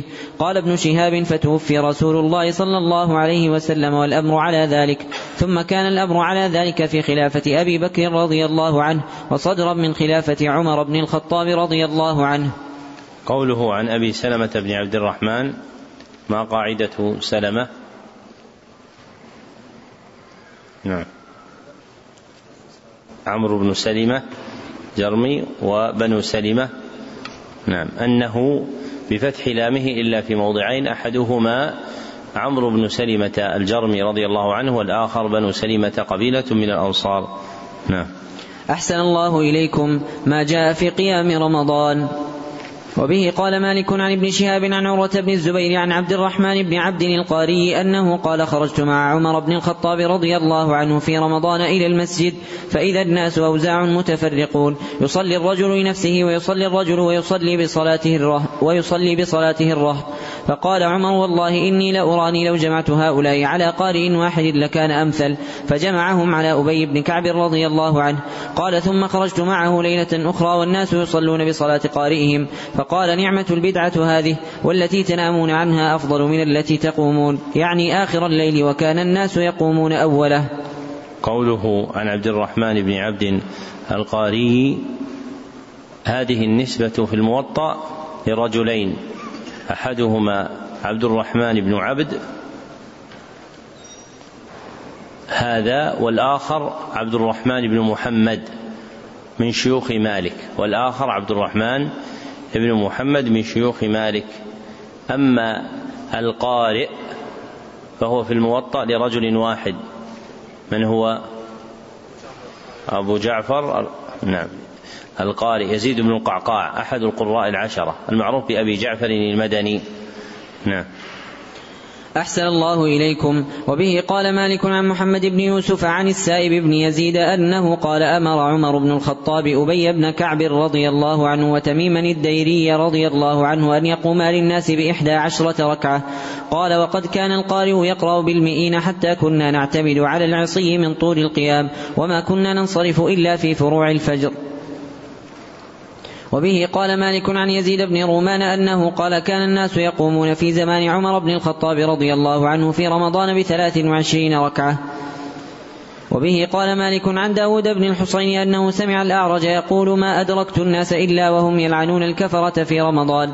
قال وكان القارئ يقرأ سورة البقرة في ثماني ركعات. فإذا قام بها في ثنتي عشرة ركعة رأى الناس أنه قد خفف. قوله أنه سمع الأعرج ما قاعدته؟ نعم.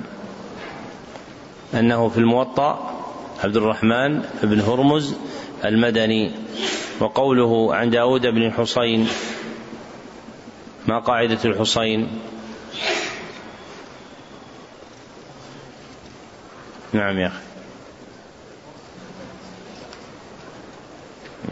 أنه بالضم مصغرا حصين إلا أبا أبا حصين عثمان بن عامر الكوفي. وأما بالمعجمة حضين فهو من؟ حضين بن المنذر أحد التابعين.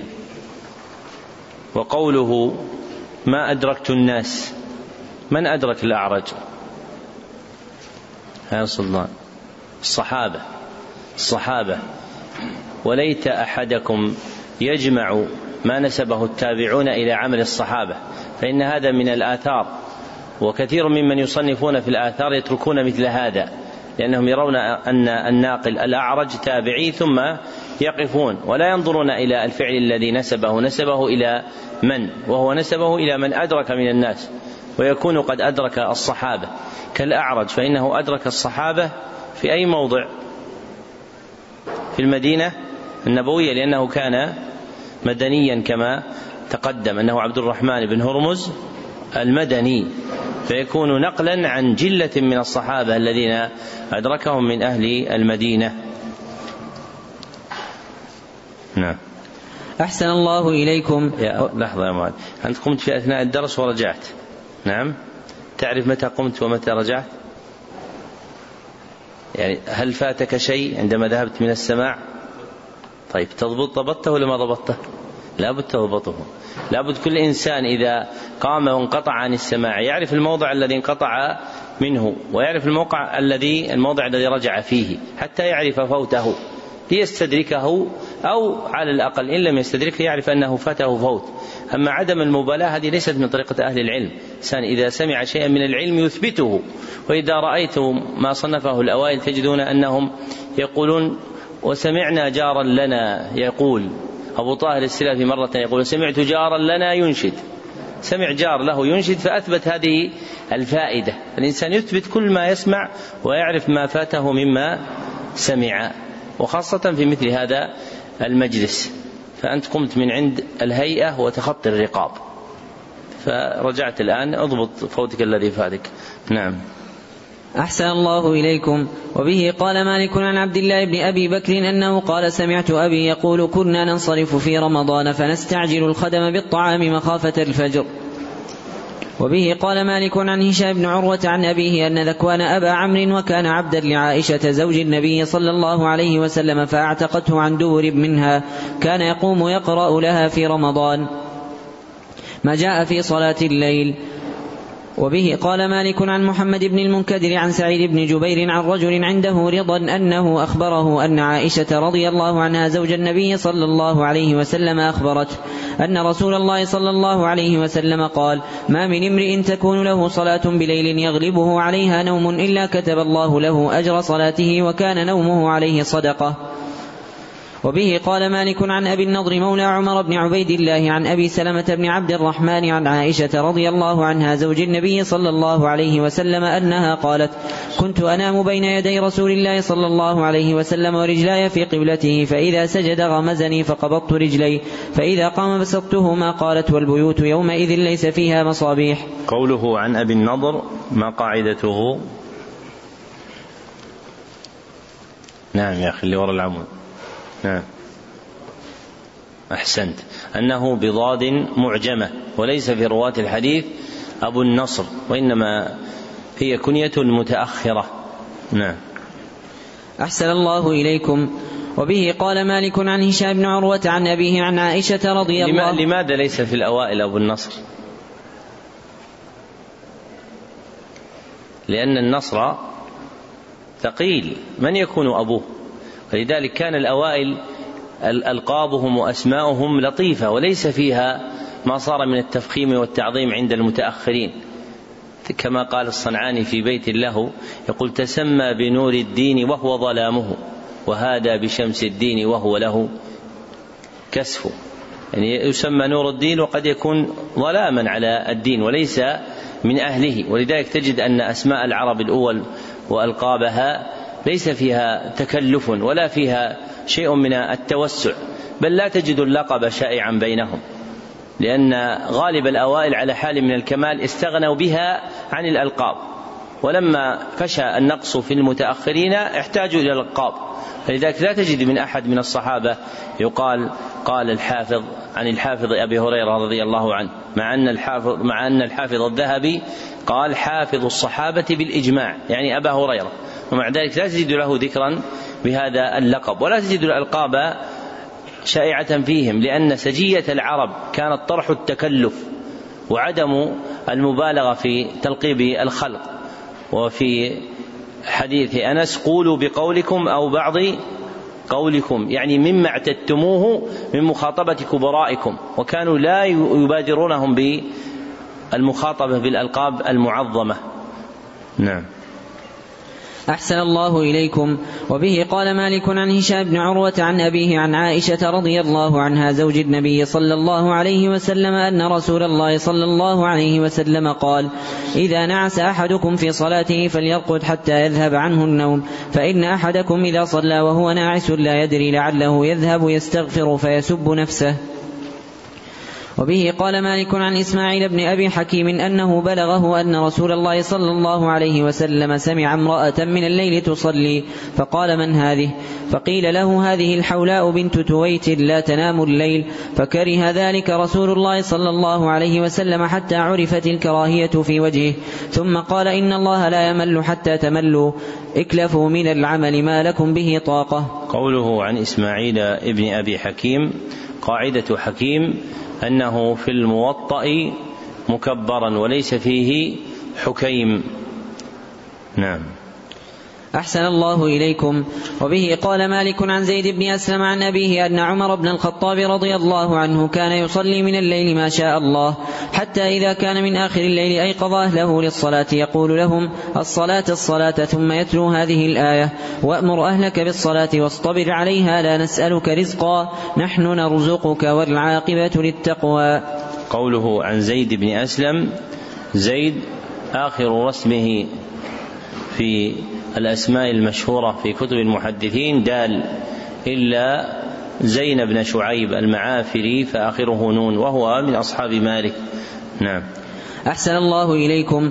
وبه قال مالك أنه بلغه أن سعيد بن المسيب كان يقول يكره النوم قبل العشاء والحديث بعدها.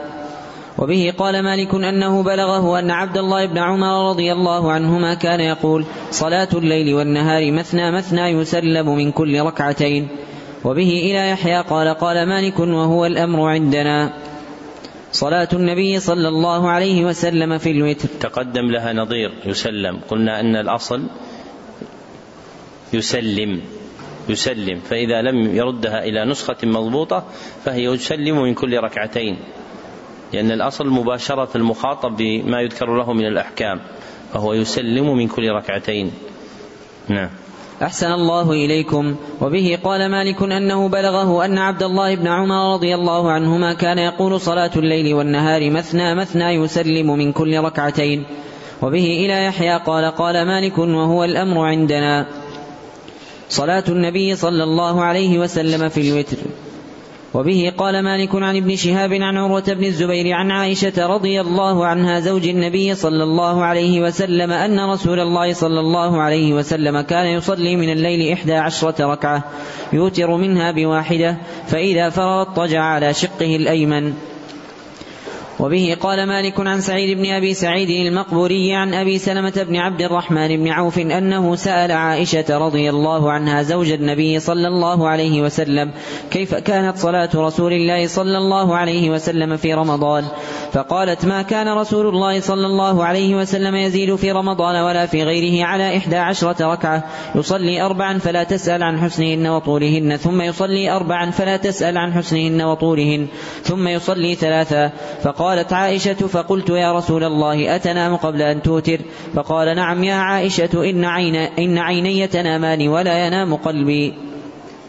وبه قال مالك عن هشام بن عروة عن أبيه عن عائشة رضي الله عنها أم المؤمنين أنها قالت كان رسول الله صلى الله عليه وسلم يصلي بالليل ثلاث عشرة ركعة ثم يصلي إذا سمع النداء بالصبح ركعتين خفيفتين. من من علم الإملاء في الحديث السابق في السطر الثاني عبد الرحمن. الصواب في كتابتها أن يفصل بينهما لأنه مضاف ومضاف إليه فما تجمعان فإنما يكون عبد الرحمن مركب إضافي. نعم. أحسن الله إليكم. وبه قال مالك عن مخرمة بن سليمان عن كريب مولى بن عباس أن عبد الله أن عبد الله بن عباس رضي الله عنهما أخبره لكن ينبغي التنبه إلى شيء مما يؤسف له أن بعض الحذاق من الذين يقومون بتنضيد الكتب وصفها يفصلون ولكنهم ربما فصلوا فوقع عبد في سطر والرحمن في سطر آخر أو غيره من الأسماء المضافة إلى الأسماء الحسنى ومثل هذا لا يستحسن وإنما يفصل بينهما في سطر واحد. نعم. أحسن الله إليكم. وبه قال مالك عن مخربة بن سليمان عن كريب مولى بن عباس أن عبد الله بن عباس رضي الله عنهما أخبره أنه بات ليلة عند ميمونة رضي الله عنها زوج النبي صلى الله عليه وسلم وهي خالته. قال فاضطجعت في عرض الوسادة واضطجع رسول الله صلى الله عليه وسلم وأهله في طولها. فنام رسول الله صلى الله عليه وسلم حتى إذا انتصف الليل أو قبله بقليل أو بعده بقليل استيقظ رسول الله صلى الله عليه وسلم فجلس. فجلس يمسح النوم عن وجهه بيديه ثم قرأ العشر الآيات الخواتم من سورة آل عمران ثم قام إلى شن معلقة فتوضأ منها فأحسن وضوءه ثم قام يصلي. قال ابن عباس رضي الله عنهما فقمت فصنعت مثل ما صنع ثم ذهبت فقمت إلى جنبه فوضع رسول الله صلى الله عليه وسلم يده اليمنى على رأسي وأخذ بأذن اليمنى يفتلها فصلى ركعتين ثم ركعتين ثم ركعتين ثم ركعتين ثم ركعتين ثم ركعتين ثم أوتر ثم اضطجع حتى أتاه المؤذن فصلى ركعتين خفيفتين ثم خرج فصلى الصبح. قوله عن كريب لم يأتي هذا الاسم في الموطأ ولا في الكتب الستة إلا مصغرا كريب. والأغلب أنه يأتي كنية إلا كريب مولى ابن عباس. الأغلب أنه يأتي كنية. إلا كريب مولى ابن عباس فليس في الموطأ ولا في الستة رجل اسمه كريب إلا كريب مولى ابن عباس رضي الله عنهما. وأما أبو كريب فكنية جماعة. أشهرهم أبو كريب محمد بن العلاء شيخ مسلم. نعم. أحسن الله إليكم. وبه قال مالك عن عبد الله بن أبي بكر عن أبيه أن عبد الله بن قيس بن مخرمة أخبره عن زيد بن خالد الجهني أنه قال لأرمقن صلاة رسول الله صلى الله عليه وسلم. قال فتوسدت عتبته أو فسطاطه أو فسطاطه فقام رسول الله صلى الله عليه وسلم فصلى ركعتين طويلتين طويلتين ثم صلى ركعتين وهما دون اللتين قبلهما ثم صلى ركعتين وهما دون اللتين قبلهما ثم صلى ركعتين وهما دون اللتين قبلهما ثم صلى ركعتين وهما دون اللتين قبلهما ثم صلى ركعتين وهما دون اللتين قبلهما ثم أوتر فتلك ثلاث عشرة ركعة. الأمر بالوتر. قوله رحمه الله الأمر بالوتر هذه الترجمة الأمر بكذا وكذا من أمهات التراجم عند مالك فإنه صدر بها ست تراجم في كتابه. نعم. أحسن الله إليكم. وبه قال مالك عن نافع وعبد الله بن دينار عن عبد الله بن عمر رضي الله عنهما أن رجلا سأل رسول الله صلى الله عليه وسلم عن صلاة الليل. فقال رسول الله صلى الله عليه وسلم صلاة الليل مثنى مثنى. فإذا خشي أحدكم الصبح صلى ركعة واحدة توتر له ما قد صلى. وبه قال مالك عن يحيى بن سعيد عن محمد بن يحيى بن ح... عن محمد بن يحيى بن حبان عن ابن محيريز أن رجلا من بني كنانة يدعى المخدجي. سمع رجلا بالشام يكنى أبا محمد. يقول إن الوتر واجب. فقال المخدجي فرحت إلى عبادة بن الصامت فاعترضت له وهو رائح إلى المسجد. فأخبرته بالذي قال أبو محمد. قال, قال عبادة كذب أبو محمد. سمعت رسول الله صلى الله عليه وسلم يقول خمس صلوات كتبهن الله على العباد فمن جاء بهن لم يضيع منهن شيئا استخفافا بحقهن كان له عند الله عهد أن يدخله الجنة. ومن لم يأت بهن فليس له عند الله عهد إن شاء عذبه وإن شاء أدخله الجنة. وبه قال مالك عن أبي بكر بن عمرو عن سعيد بن يسار أنه قال كنت أسير مع عبد الله بن عمر رضي الله عنهما بطريق مكة. قال سعيد فلما خشيت الصبح نزلت فأوترت ثم أدركته. فقال لي عبد الله بن عمر رضي الله عنهما أين كنت؟ فقلت له خشيت الصبح فنزلت فأوترت. فقال عبد الله أليس لك في رسول الله صلى الله عليه وسلم أسوة؟ فقلت بلى والله. فقال إن رسول الله صلى الله عليه وسلم كان يوتر على البعير. وبه قال مالك عن يحيى بن سعيد عن سعيد بن المسيب أنه قال كان أبو بكر الصديق رضي الله عنه إذا أراد أن يأتي فراشه أوتر وكان عمر بن الخطاب رضي الله عنه يوتر آخر الليل. قال سعيد بن المسيب فأما أنا فإذا جئت فراشي أوترت. وبه قال مالك أنه بلغه أن رجلا سأل عبد الله بن عمر رضي الله عنهما عن الوتر أواجب هو؟ فقال عبد الله بن عمر رضي الله عنهما قد أوتر رسول الله صلى الله عليه وسلم وأوتر المسلمون. فجعل الرجل يردد عليه وعبد الله بن عمر رضي الله عنهما يقول أوتر رسول الله صلى الله عليه وسلم وأوتر المسلمون. وبه قال مالك أنه بلغه أن عائشة رضي الله عنها زوج النبي صلى الله عليه وسلم كانت تقول من خشي أن ينام حتى يصبح فليوتر قبل أن ينام ومن رجا أن يستيقظ آخر الليل فليؤخر وتره. وبه قال مالك عن نافع أنه قال كنت مع عبد الله بن عمر بمكة والسماء مغيمة فخشي عبد الله الصبح فأوتر بواحدة ثم انكشف الغيم فرأى أن عليه ليلا فشفع بواحدة ثم صلى بعد ذلك ركعتين ركعتين فلما خشي الصبح أوتر بواحدة. وبه قال مالك عن نافع أن عبد الله بن عمر رضي الله عنهما كان يسلم بين الركعتين والركعة في الوتر حتى يأمر ببعض حاجته. وبه قال مالك عن ابن شهاب أن سعد بن أبي وقاص كان يوتر بعد العتمة بواحدة. وبه إلى يحيى قال قال مالك وليس على هذا العمل عندنا ولكن أدنى الوتر ثلاث. وبه قال مالك عن عبد الله بن دير عن عبد الله بن دينار أن عبد الله بن عمر رضي الله عنهما كان يقول صلاة المغرب وتر صلاة النهار. وبه إلى يحيى قال قال مالك من أوتر أول الليل ثم نام ثم قام فبدأ له أن يصلي فليصلي, مث فليصلي مثنى مثنى فهو أحب ما سمعت إليه. الوتر بعد الفجر. وبه قال مالك عن عبد الكريم بن أبي المخارق البصري عن سعيد بن جبير أن عبد الله بن عباس رضي الله عنهما رقد ثم استيقظ فقال لخادمه انظر ما صنع الناس وهو يومئذ قد ذهب بصره فذهب الخادم ثم رجع فقال قد انصرف الناس من الصبح فقام عبد الله فأوتر ثم صلى الصبح. وبه قال مالك أنه بلغه أن عبد الله بن عباس رضي الله عنهما وعبادة بن الصامت, الصامت رضي الله عنه والقاسم بن محمد وعبد الله بن عامر بن ربيعة قد أوتروا بعد الفجر وبه قال مالك عن هشام بن عروة عن أبيه أن عبد الله بن أن عبد الله بن مسعود رضي الله عنه قال: ما أبالي لو أقيمت صلاة الصبح وأنا أوتر. وبه قال مالك عن يحيى بن سعيد أنه قال كان عبادة بن الصامت رضي الله عنه يؤم قوما فخرج يوما إلى الصبح فأقام المؤذن صلاة الصبح فأسكته عبادة حتى أوتر ثم صلى بهم الصبح. قوله كان عبادة بن الصامت عبادة لا يأتي في الحديث إلا على هذا الرسم بضم أوله سوى محمد بن عبادة الواسطي من رجال البخاري. سوى محمد بن عبادة من رجال البخاري. فإن أباه بفتح العين عبادة.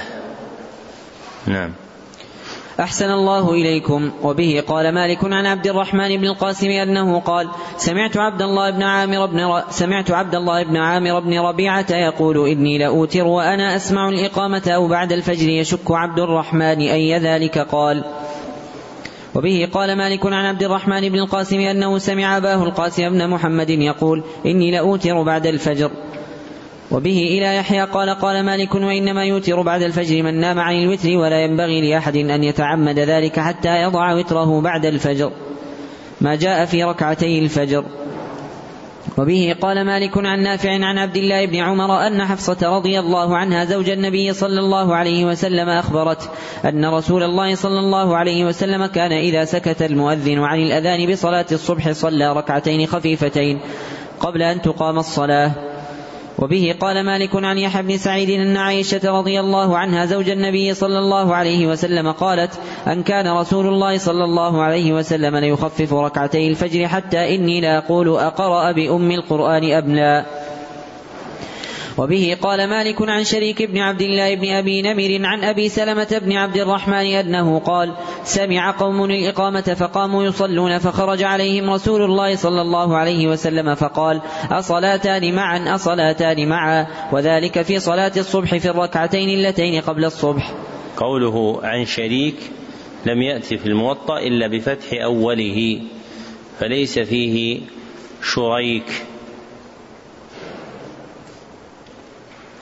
وقوله في الترجمة ما جاء في ركعتي الفجر مما ينبه إليه أن ركعة الفجر في العرف الشرعي إذا أطلقتا فالمراد بهما نافلتها فالمراد بها نافلتها وليس المراد بها الصلاة المفروضة فالصلاة المفروضة إذا ذكرت يقال صلاة الفجر وأما ركعتا الفجر إذا ذكرت فالمراد بهما النافلة التي تكون قبلها.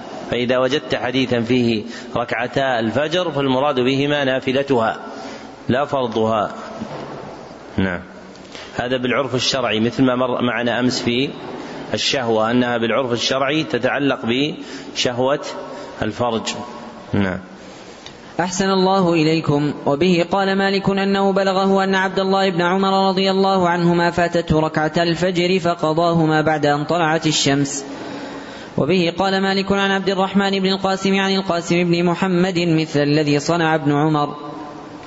فضل صلاة الجماعة على صلاة الفذ. قوله رحمه الله على صلاة الفذ. الفذ هو المنفرد. نعم. أحسن الله إليكم. وبه قال مالك عن نافع عن عبد الله بن عمر رضي الله عنهما أن رسول الله صلى الله عليه وسلم قال صلاة الجماعة تفضل صلاة الفذ بسبع وعشرين درجة. وبه قال مالك عن ابن شهاب عن سعيد بن المسيب عن أبي هريرة رضي الله عنه أن رسول الله صلى الله عليه وسلم قال صلاة الجماعة أفضل من صلاة أحدكم وحده بخمسة وعشرين جزءا. وبه قال مالك عن أبي الزناد عن الأعرج عن أبي هريرة رضي الله عنه أن رسول الله صلى الله عليه وسلم قال والذي نفسي بيده لقد هممت أن آمر بحطب فيحطب, فيحطب ثم آمر بالصلاة فيؤذن لها ثم آمر رجلا فيؤم الناس ثم أخالف إلى رجال فأحرق عليهم بيوتهم. والذي نفسي بيده لو يعلم أحدهم أنه يجد عظما سمينا أو مرماتين حسنتين لشهد العشاء. قوله فيؤذن لها فيؤذن لها. لأنه هو المعروف في الخطاب الشرعي أن الصلاة لها أذان فالتشديد أولى من التخفيف. فأصلحوها. نعم.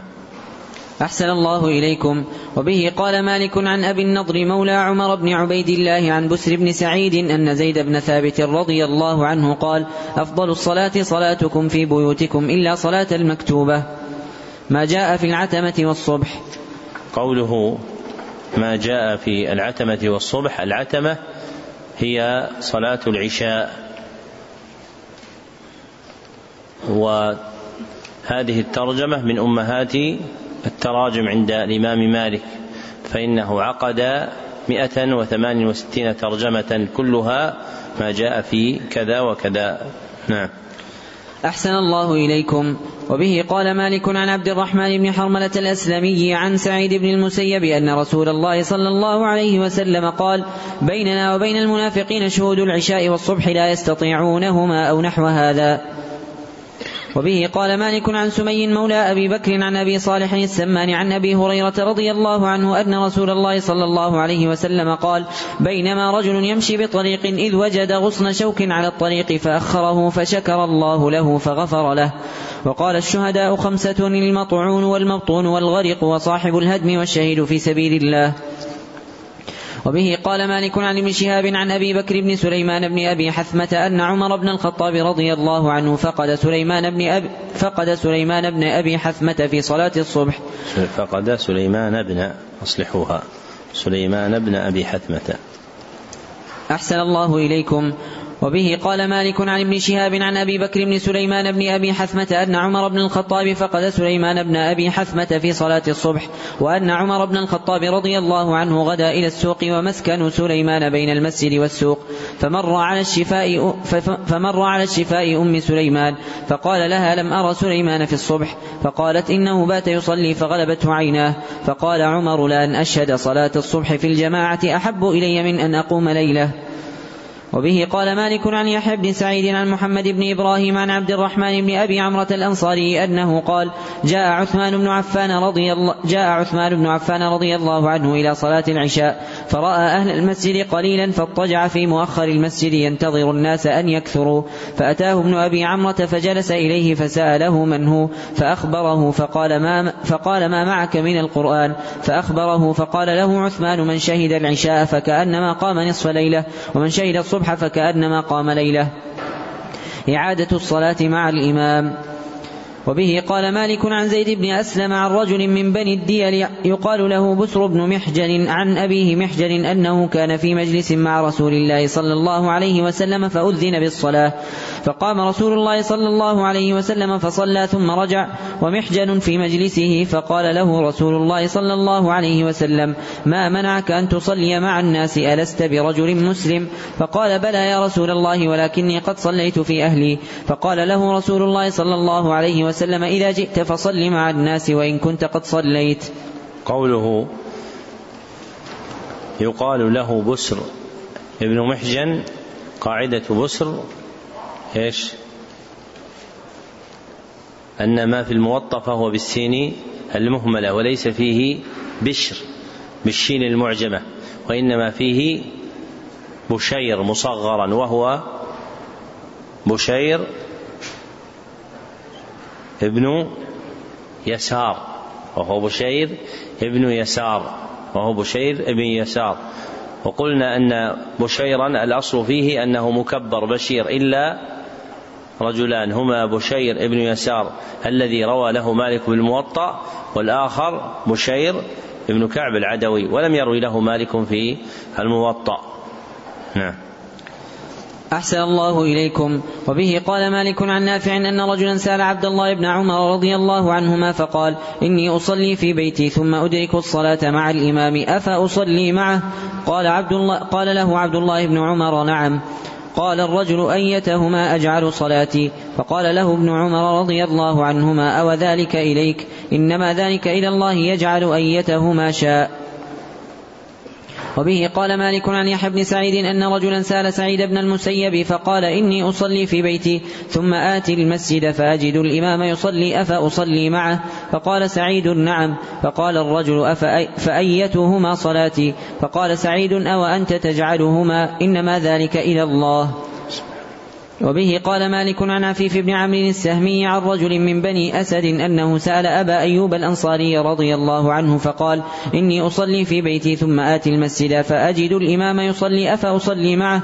فقال أبو أيوب رضي الله عنه نعم صل معه فإن من صنع ذلك فإن له سهم جمع أو مثل سهم جمع. وبه قال مالك عن نافع أن عبد الله بن عمر رضي الله عنهما كان يقول من صلى المغرب أو الصبح ثم أدركهما مع الإمام فلا يعد لهما. وبه إلى يحيى قال قال مالك ولا أرى بأسا أن يصلي مع الإمام من كان قد صلى في بيته إلا صلاة المغرب فإنه إذا أعادها كانت شفعا. العمل في صلاة الجماعة. قوله العمل في صلاة الجماعة ما معناه؟ نعم. أحسنت. ما ينبغي فيه من الأحكام المبينة شرعا. وهذه إحدى أمهات التراجم عند الإمام مالك وقد أورد بها سبعا وعشرين ترجمة. نعم. أحسن الله إليكم. وبه قال مالك عن أبي الزناد عن الأعرج عن أبي هريرة رضي الله عنه أن رسول الله صلى الله عليه وسلم قال إذا صلى أحدكم بالناس فليخفف فإن فيهم الضعيف والسقيم والكبير وإذا صلى أحدكم لنفسه فليطول ما شاء. وبه قال مالك عن نافع أنه قال قمت وراء عبد الله بن عمر رضي الله عنهما في صلاة من الصلوات وليس معه أحد غيري فخالف عبد الله بيده فجعلني حذاءه عن يمينه. وبه قال مالك عن يحيى بن سعيد أن رجلا كان يؤم الناس أن رجلا كان يؤم الناس بالعقيق فأرسل إليه عمر بن عبد العزيز فنهاه. قال مالك وإنما نهاه لأنه كان لا يعرف أبوه. صلاة الإمام وهو جالس. وبه قال مالك عن ابن شهاب عن أنس بن مالك رضي الله عنه أن رسول الله صلى الله عليه وسلم ركب فرسا فصرع. فجحش شقه الأيمن فصلى صلاة من الصلوات وهو قاعد وصلينا وراءه قعودا. فلما انصرف قال إنما جعل الإمام ليؤتم به فإذا صلى قائما فصلوا قياما. وإذا ركع فاركعوا وإذا رفع فارفعوا. وإذا قال سمع الله لمن حمده فقولوا ربنا لك الحمد. وإذا صلى جالسا, وإذا صلى جالسا فصلوا جلوسا أجمعون. وبه قال مالك عن هشام بن عروة عن أبيه عن عائشة رضي الله عنها زوج النبي صلى الله عليه وسلم أنها قالت صلى رسول الله صلى الله عليه وسلم وهو شاك فصلى جالسا وصلى وراءه قوم قياما فأشار إليهم أن اجلسوا فلما انصرف قال إنما جعل الإمام ليؤتم به فإذا ركع فاركعوا وإذا رفع فارفعوا وإذا صلى جالسا فصلوا جلوسا. وبه قال مالك عن هشام بن عروة عن أبيه أن رسول الله صلى الله عليه وسلم خرج في مرضه فأتى فوجد أبا بكر رضي الله عنه وهو قائم يصلي بالناس. فاستأخر أبو بكر رضي الله عنه فأشار إليه رسول الله صلى الله عليه وسلم أن كما أنت. فجلس رسول الله صلى الله عليه وسلم إلى جنب أبي بكر رضي الله عنه فكان أبو بكر يصلي بصلاة رسول الله صلى الله عليه وسلم. وكان الناس يصلون بصلاة أبي بكر رضي الله عنه. فضل صلاة القائم على صلاة القاعد. وبه قال مالك عن إسماعيل بن محمد بن سعد بن أبي وقاص عن مولى لعمرو بن العاص رضي الله عنه أو لعبد الله بن عمرو بن العاص عن عبد الله بن عمرو بن العاص رضي الله عنهما أن رسول الله صلى الله عليه وسلم قال صلاة أحدكم وهو قاعد مثل نصف صلاته وهو قائم. وبه قال مالك عن ابن شهاب عن عبد الله بن عمرو بن العاص رضي الله عنهما أنه قال لما قدمنا المدينة نالنا وباء من وعكها شديد فخرج رسول الله صلى الله عليه وسلم على الناس وهم يصلون في سبحتهم قعودا. فقال رسول الله صلى الله عليه وسلم صلاة القاعد مثل نصف صلاة القائم. ما جاء في صلاة القاعد في النافلة. وبه قال مالك عن ابن شهاب عن السائب بن يزيد عن المطلب بن أبي وداعة السهمي عن حفصة رضي الله عنها زوج النبي صلى الله عليه وسلم أنها قالت ما رأيت رسول الله صلى الله عليه وسلم صلى في سبحته قاعدا قط حتى كان قبل وفاته بعام فكان يصلي في سبحته قاعدا ويقرأ بالسورة فيرتلها حتى تكون أطول من أطول منها. قوله عن ابن شهاب ما قاعدته؟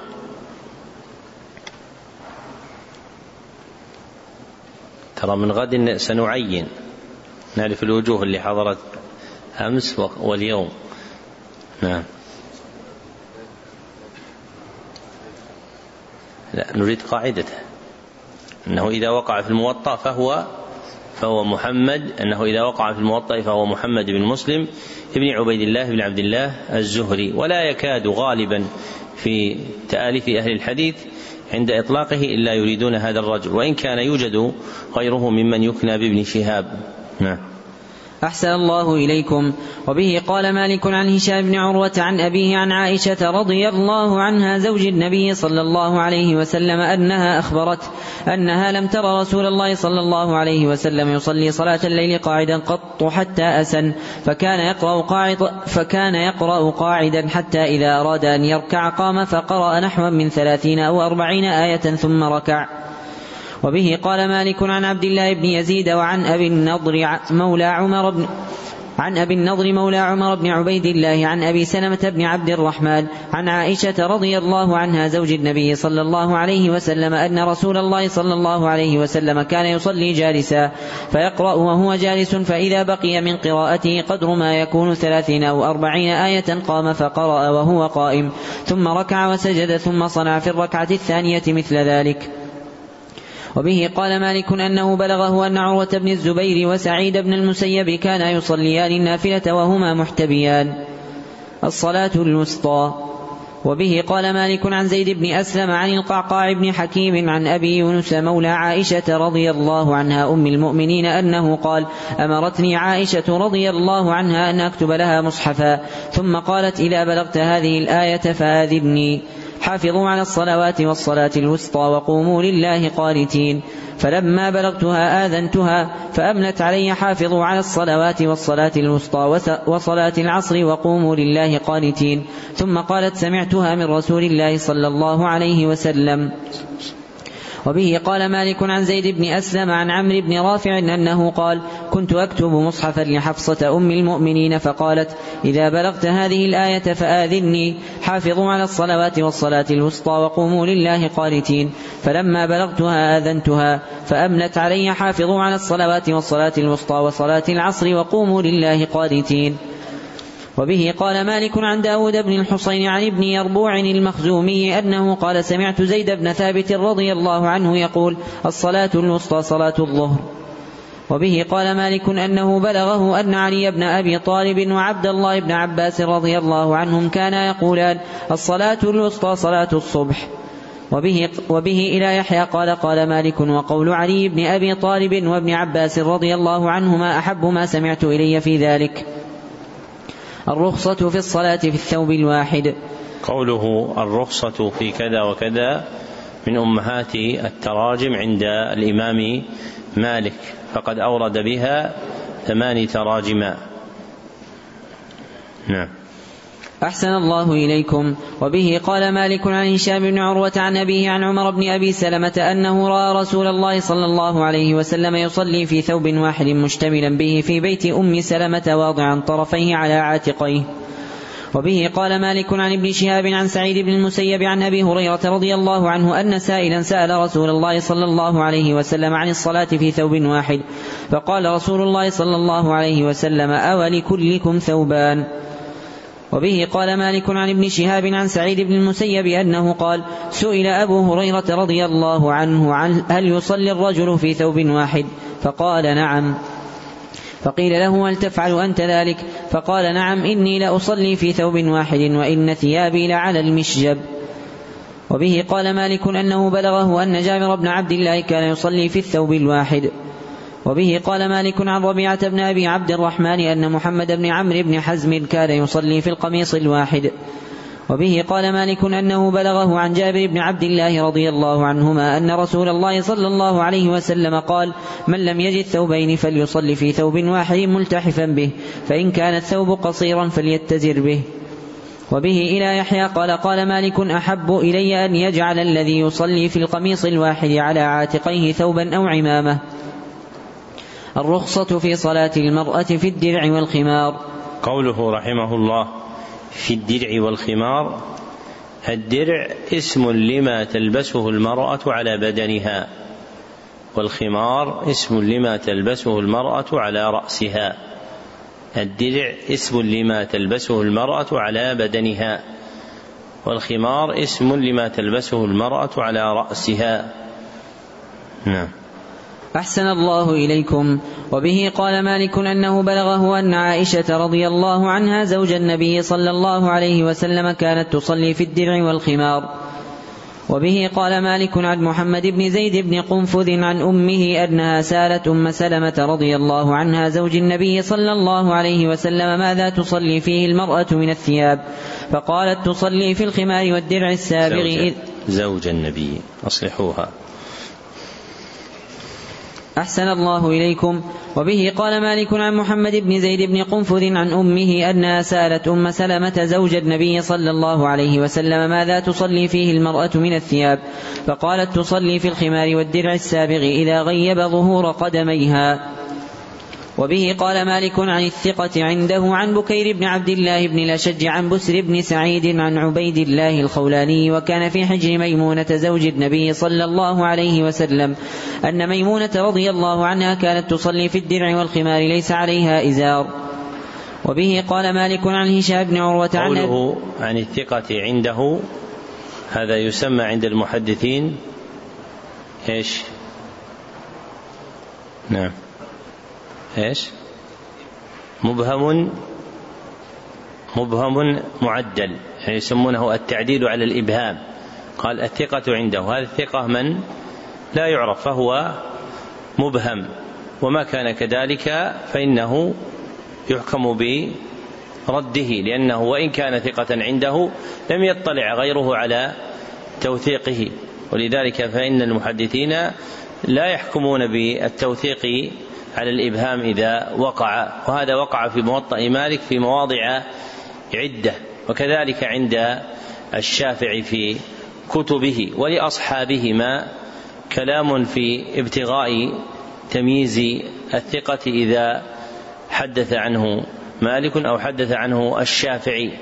لا ينفصل ذلك إلى شيء مقطوع به. وقد أشرت إلى هذه المسألة ببيتين فقلت ومالك عن ثقة ذا مبهم.